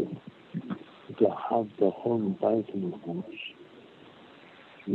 משה רבינו את האור שלנו. אחד בפנים כזהב, ואחד בחוץ, כלומר שלא ראו את הפי שיטים בכלל. זה היה מכוסה לגמרי. יש מבית מלכות זהב. מה מסביר? הוא מסביר שהזהב זה היראה, היראה היא היראה של קודש על קודשים. יש יראה בחוץ ויש יראה בפנים. והפרי שיטים, את האדום של ארץ, שזה לכאורה עיקר האדום, זה לא רואים בכלל. מוסתר. בגלל שמשה רבינו לא מראה העצמו של משה רבינו, וגם הגוף של משה רבינו אין לו שום מודעות עצמית. לא מרגיש את עצמו כלל וכלל, ולא גלוי. זה נקרא משה, משה לא פסיק טעמה בגדיו. שמשה שהוא למעלה עם השם, זה משה שהוא למטה עם העם. כתוב הילד מן ההר אל העם. או שהוא משה למעלה או שהוא משה למטה, זה נקרא משה משה, זה שתי הבצונות של משה. והוא לא פונה לצורכי השם, זה בדיוק מה שחזרנו להשם. שמן ההר אל העם בלי לפנות לרגע לשנייה מהגוף שלו, לעצם שלו. לו שום מודעות עצמית, ולכן הוא גם פרש מן האישה. לכן משה, לכן משה משה לא פסיק טענה בגזיו בכלל. לעומת זה, אברהם אברהם הוא מדבר בדווקא על יעקב יעקב, שכתוב יעקב יעקב, יש כן פסיק טענה בגזיו, בגלל שיעקב כן פונה מיטתו שלמה, הוא צריך לפנות, הוא צריך לתת אישה, הוא צריך להוביל שבטים. הוא צריך להטות מיטתו שלמה, זה גם פירוש מאוד יפהפה, שאומר שמיטה זה לשון הטיה, שהוא צריך להטות את עצמו למטה ולחשוב על עצמו ולחשוב על אשתו בפועל ממש, בגלל שיש לו עניין להעלות את התחתון, אפילו צריך לצמצם את עצמו. מה הפסיק טעמה. אז את יעקב, יעקב יש פסיק טעמה לכתחילה, זה העבודה, זה השליחות שלו. אבל את משה רבנו זה משה, משה לא פסיק טעמה בגביון, זה סוף הארון, הכולל הקודשים, הנשיאת החוצים של היראה והתענוג, שזה הזהב מכאן זהב מכאן, שהוא מפרש בפשט, שזהב מכאן זהב מכאן זה יראה. יראה מכאן, יראה מכאן, הכל זה, הכל זה יראה, אבל זה גם תענוג. מה זה, מה זה תענוג אפשר לפרש שהוא לא כותב את זה, אפשר על דרכו להמשיך לפרש שהארון החיצוני זה בעיקר היראה והזהב מבחוץ, והזהב שבפנים זה התענוג. משה רבנו הוא שמה עכשיו הוא גם תענוג, אבל התענוג הזה הוא לא מוגש בכלל, תענוג של עצמו. לדעת שיש עונג דעת, זה עונג של הגוף, של העצם, של העצמי. גם בתענוגים אמרנו שיש ארבעה תענוגים, אבל בתענוגים, בתענוגים. זה תענוג של הגוף, שזה גם עניין של הגוף. יש תענוג של הנשמה, תענוג של השכינה, יש תענוג של הקודש ברוך הוא, בקודש השכינה. יש שני תענוגים שלנו, יש שני תענוגים של השכינה. אצל השם זה שהוא משפיע לנו תענוג. תענוג של השכינה מקבלת מאיתנו תענוג, שאנחנו מעלים לניצוצות של תענוג, ראשית תקחו יד לך תביא בית השם אלוקיך. תענוג של הנשמה זה שנגיד ניגון, שזה גם תענוג של הגוף, וזה התודה, כמו שכתוב בסדר תענוג של שבת קודש.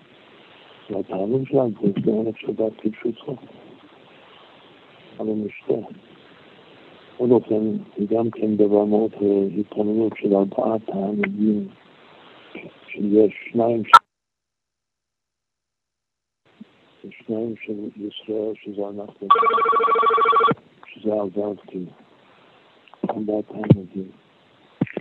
פשוט יש את ארבעת העמדים, ויש את הארבע יראות כנגדן, שהיראה היא מכירת התענוג, זה האור מועד, ובעצם הסוד של הארון, שזה נשיאת הפקים, ושם איזה שורש בתוך הרגלה, השורש של הייחוד שהיו לה בתלמוד. זה, זה אנחנו נסיים הערב את השיעור שלנו. ואולי בעזרת השם יתברך אנחנו נמשיך ללמוד מתוך הספר הזה, כדאי שכל אחד ידע את הספר הזה, חיים וחסד של חיים ליאם דובה. שמגדולי גדולי תלמידי הרב המגיד.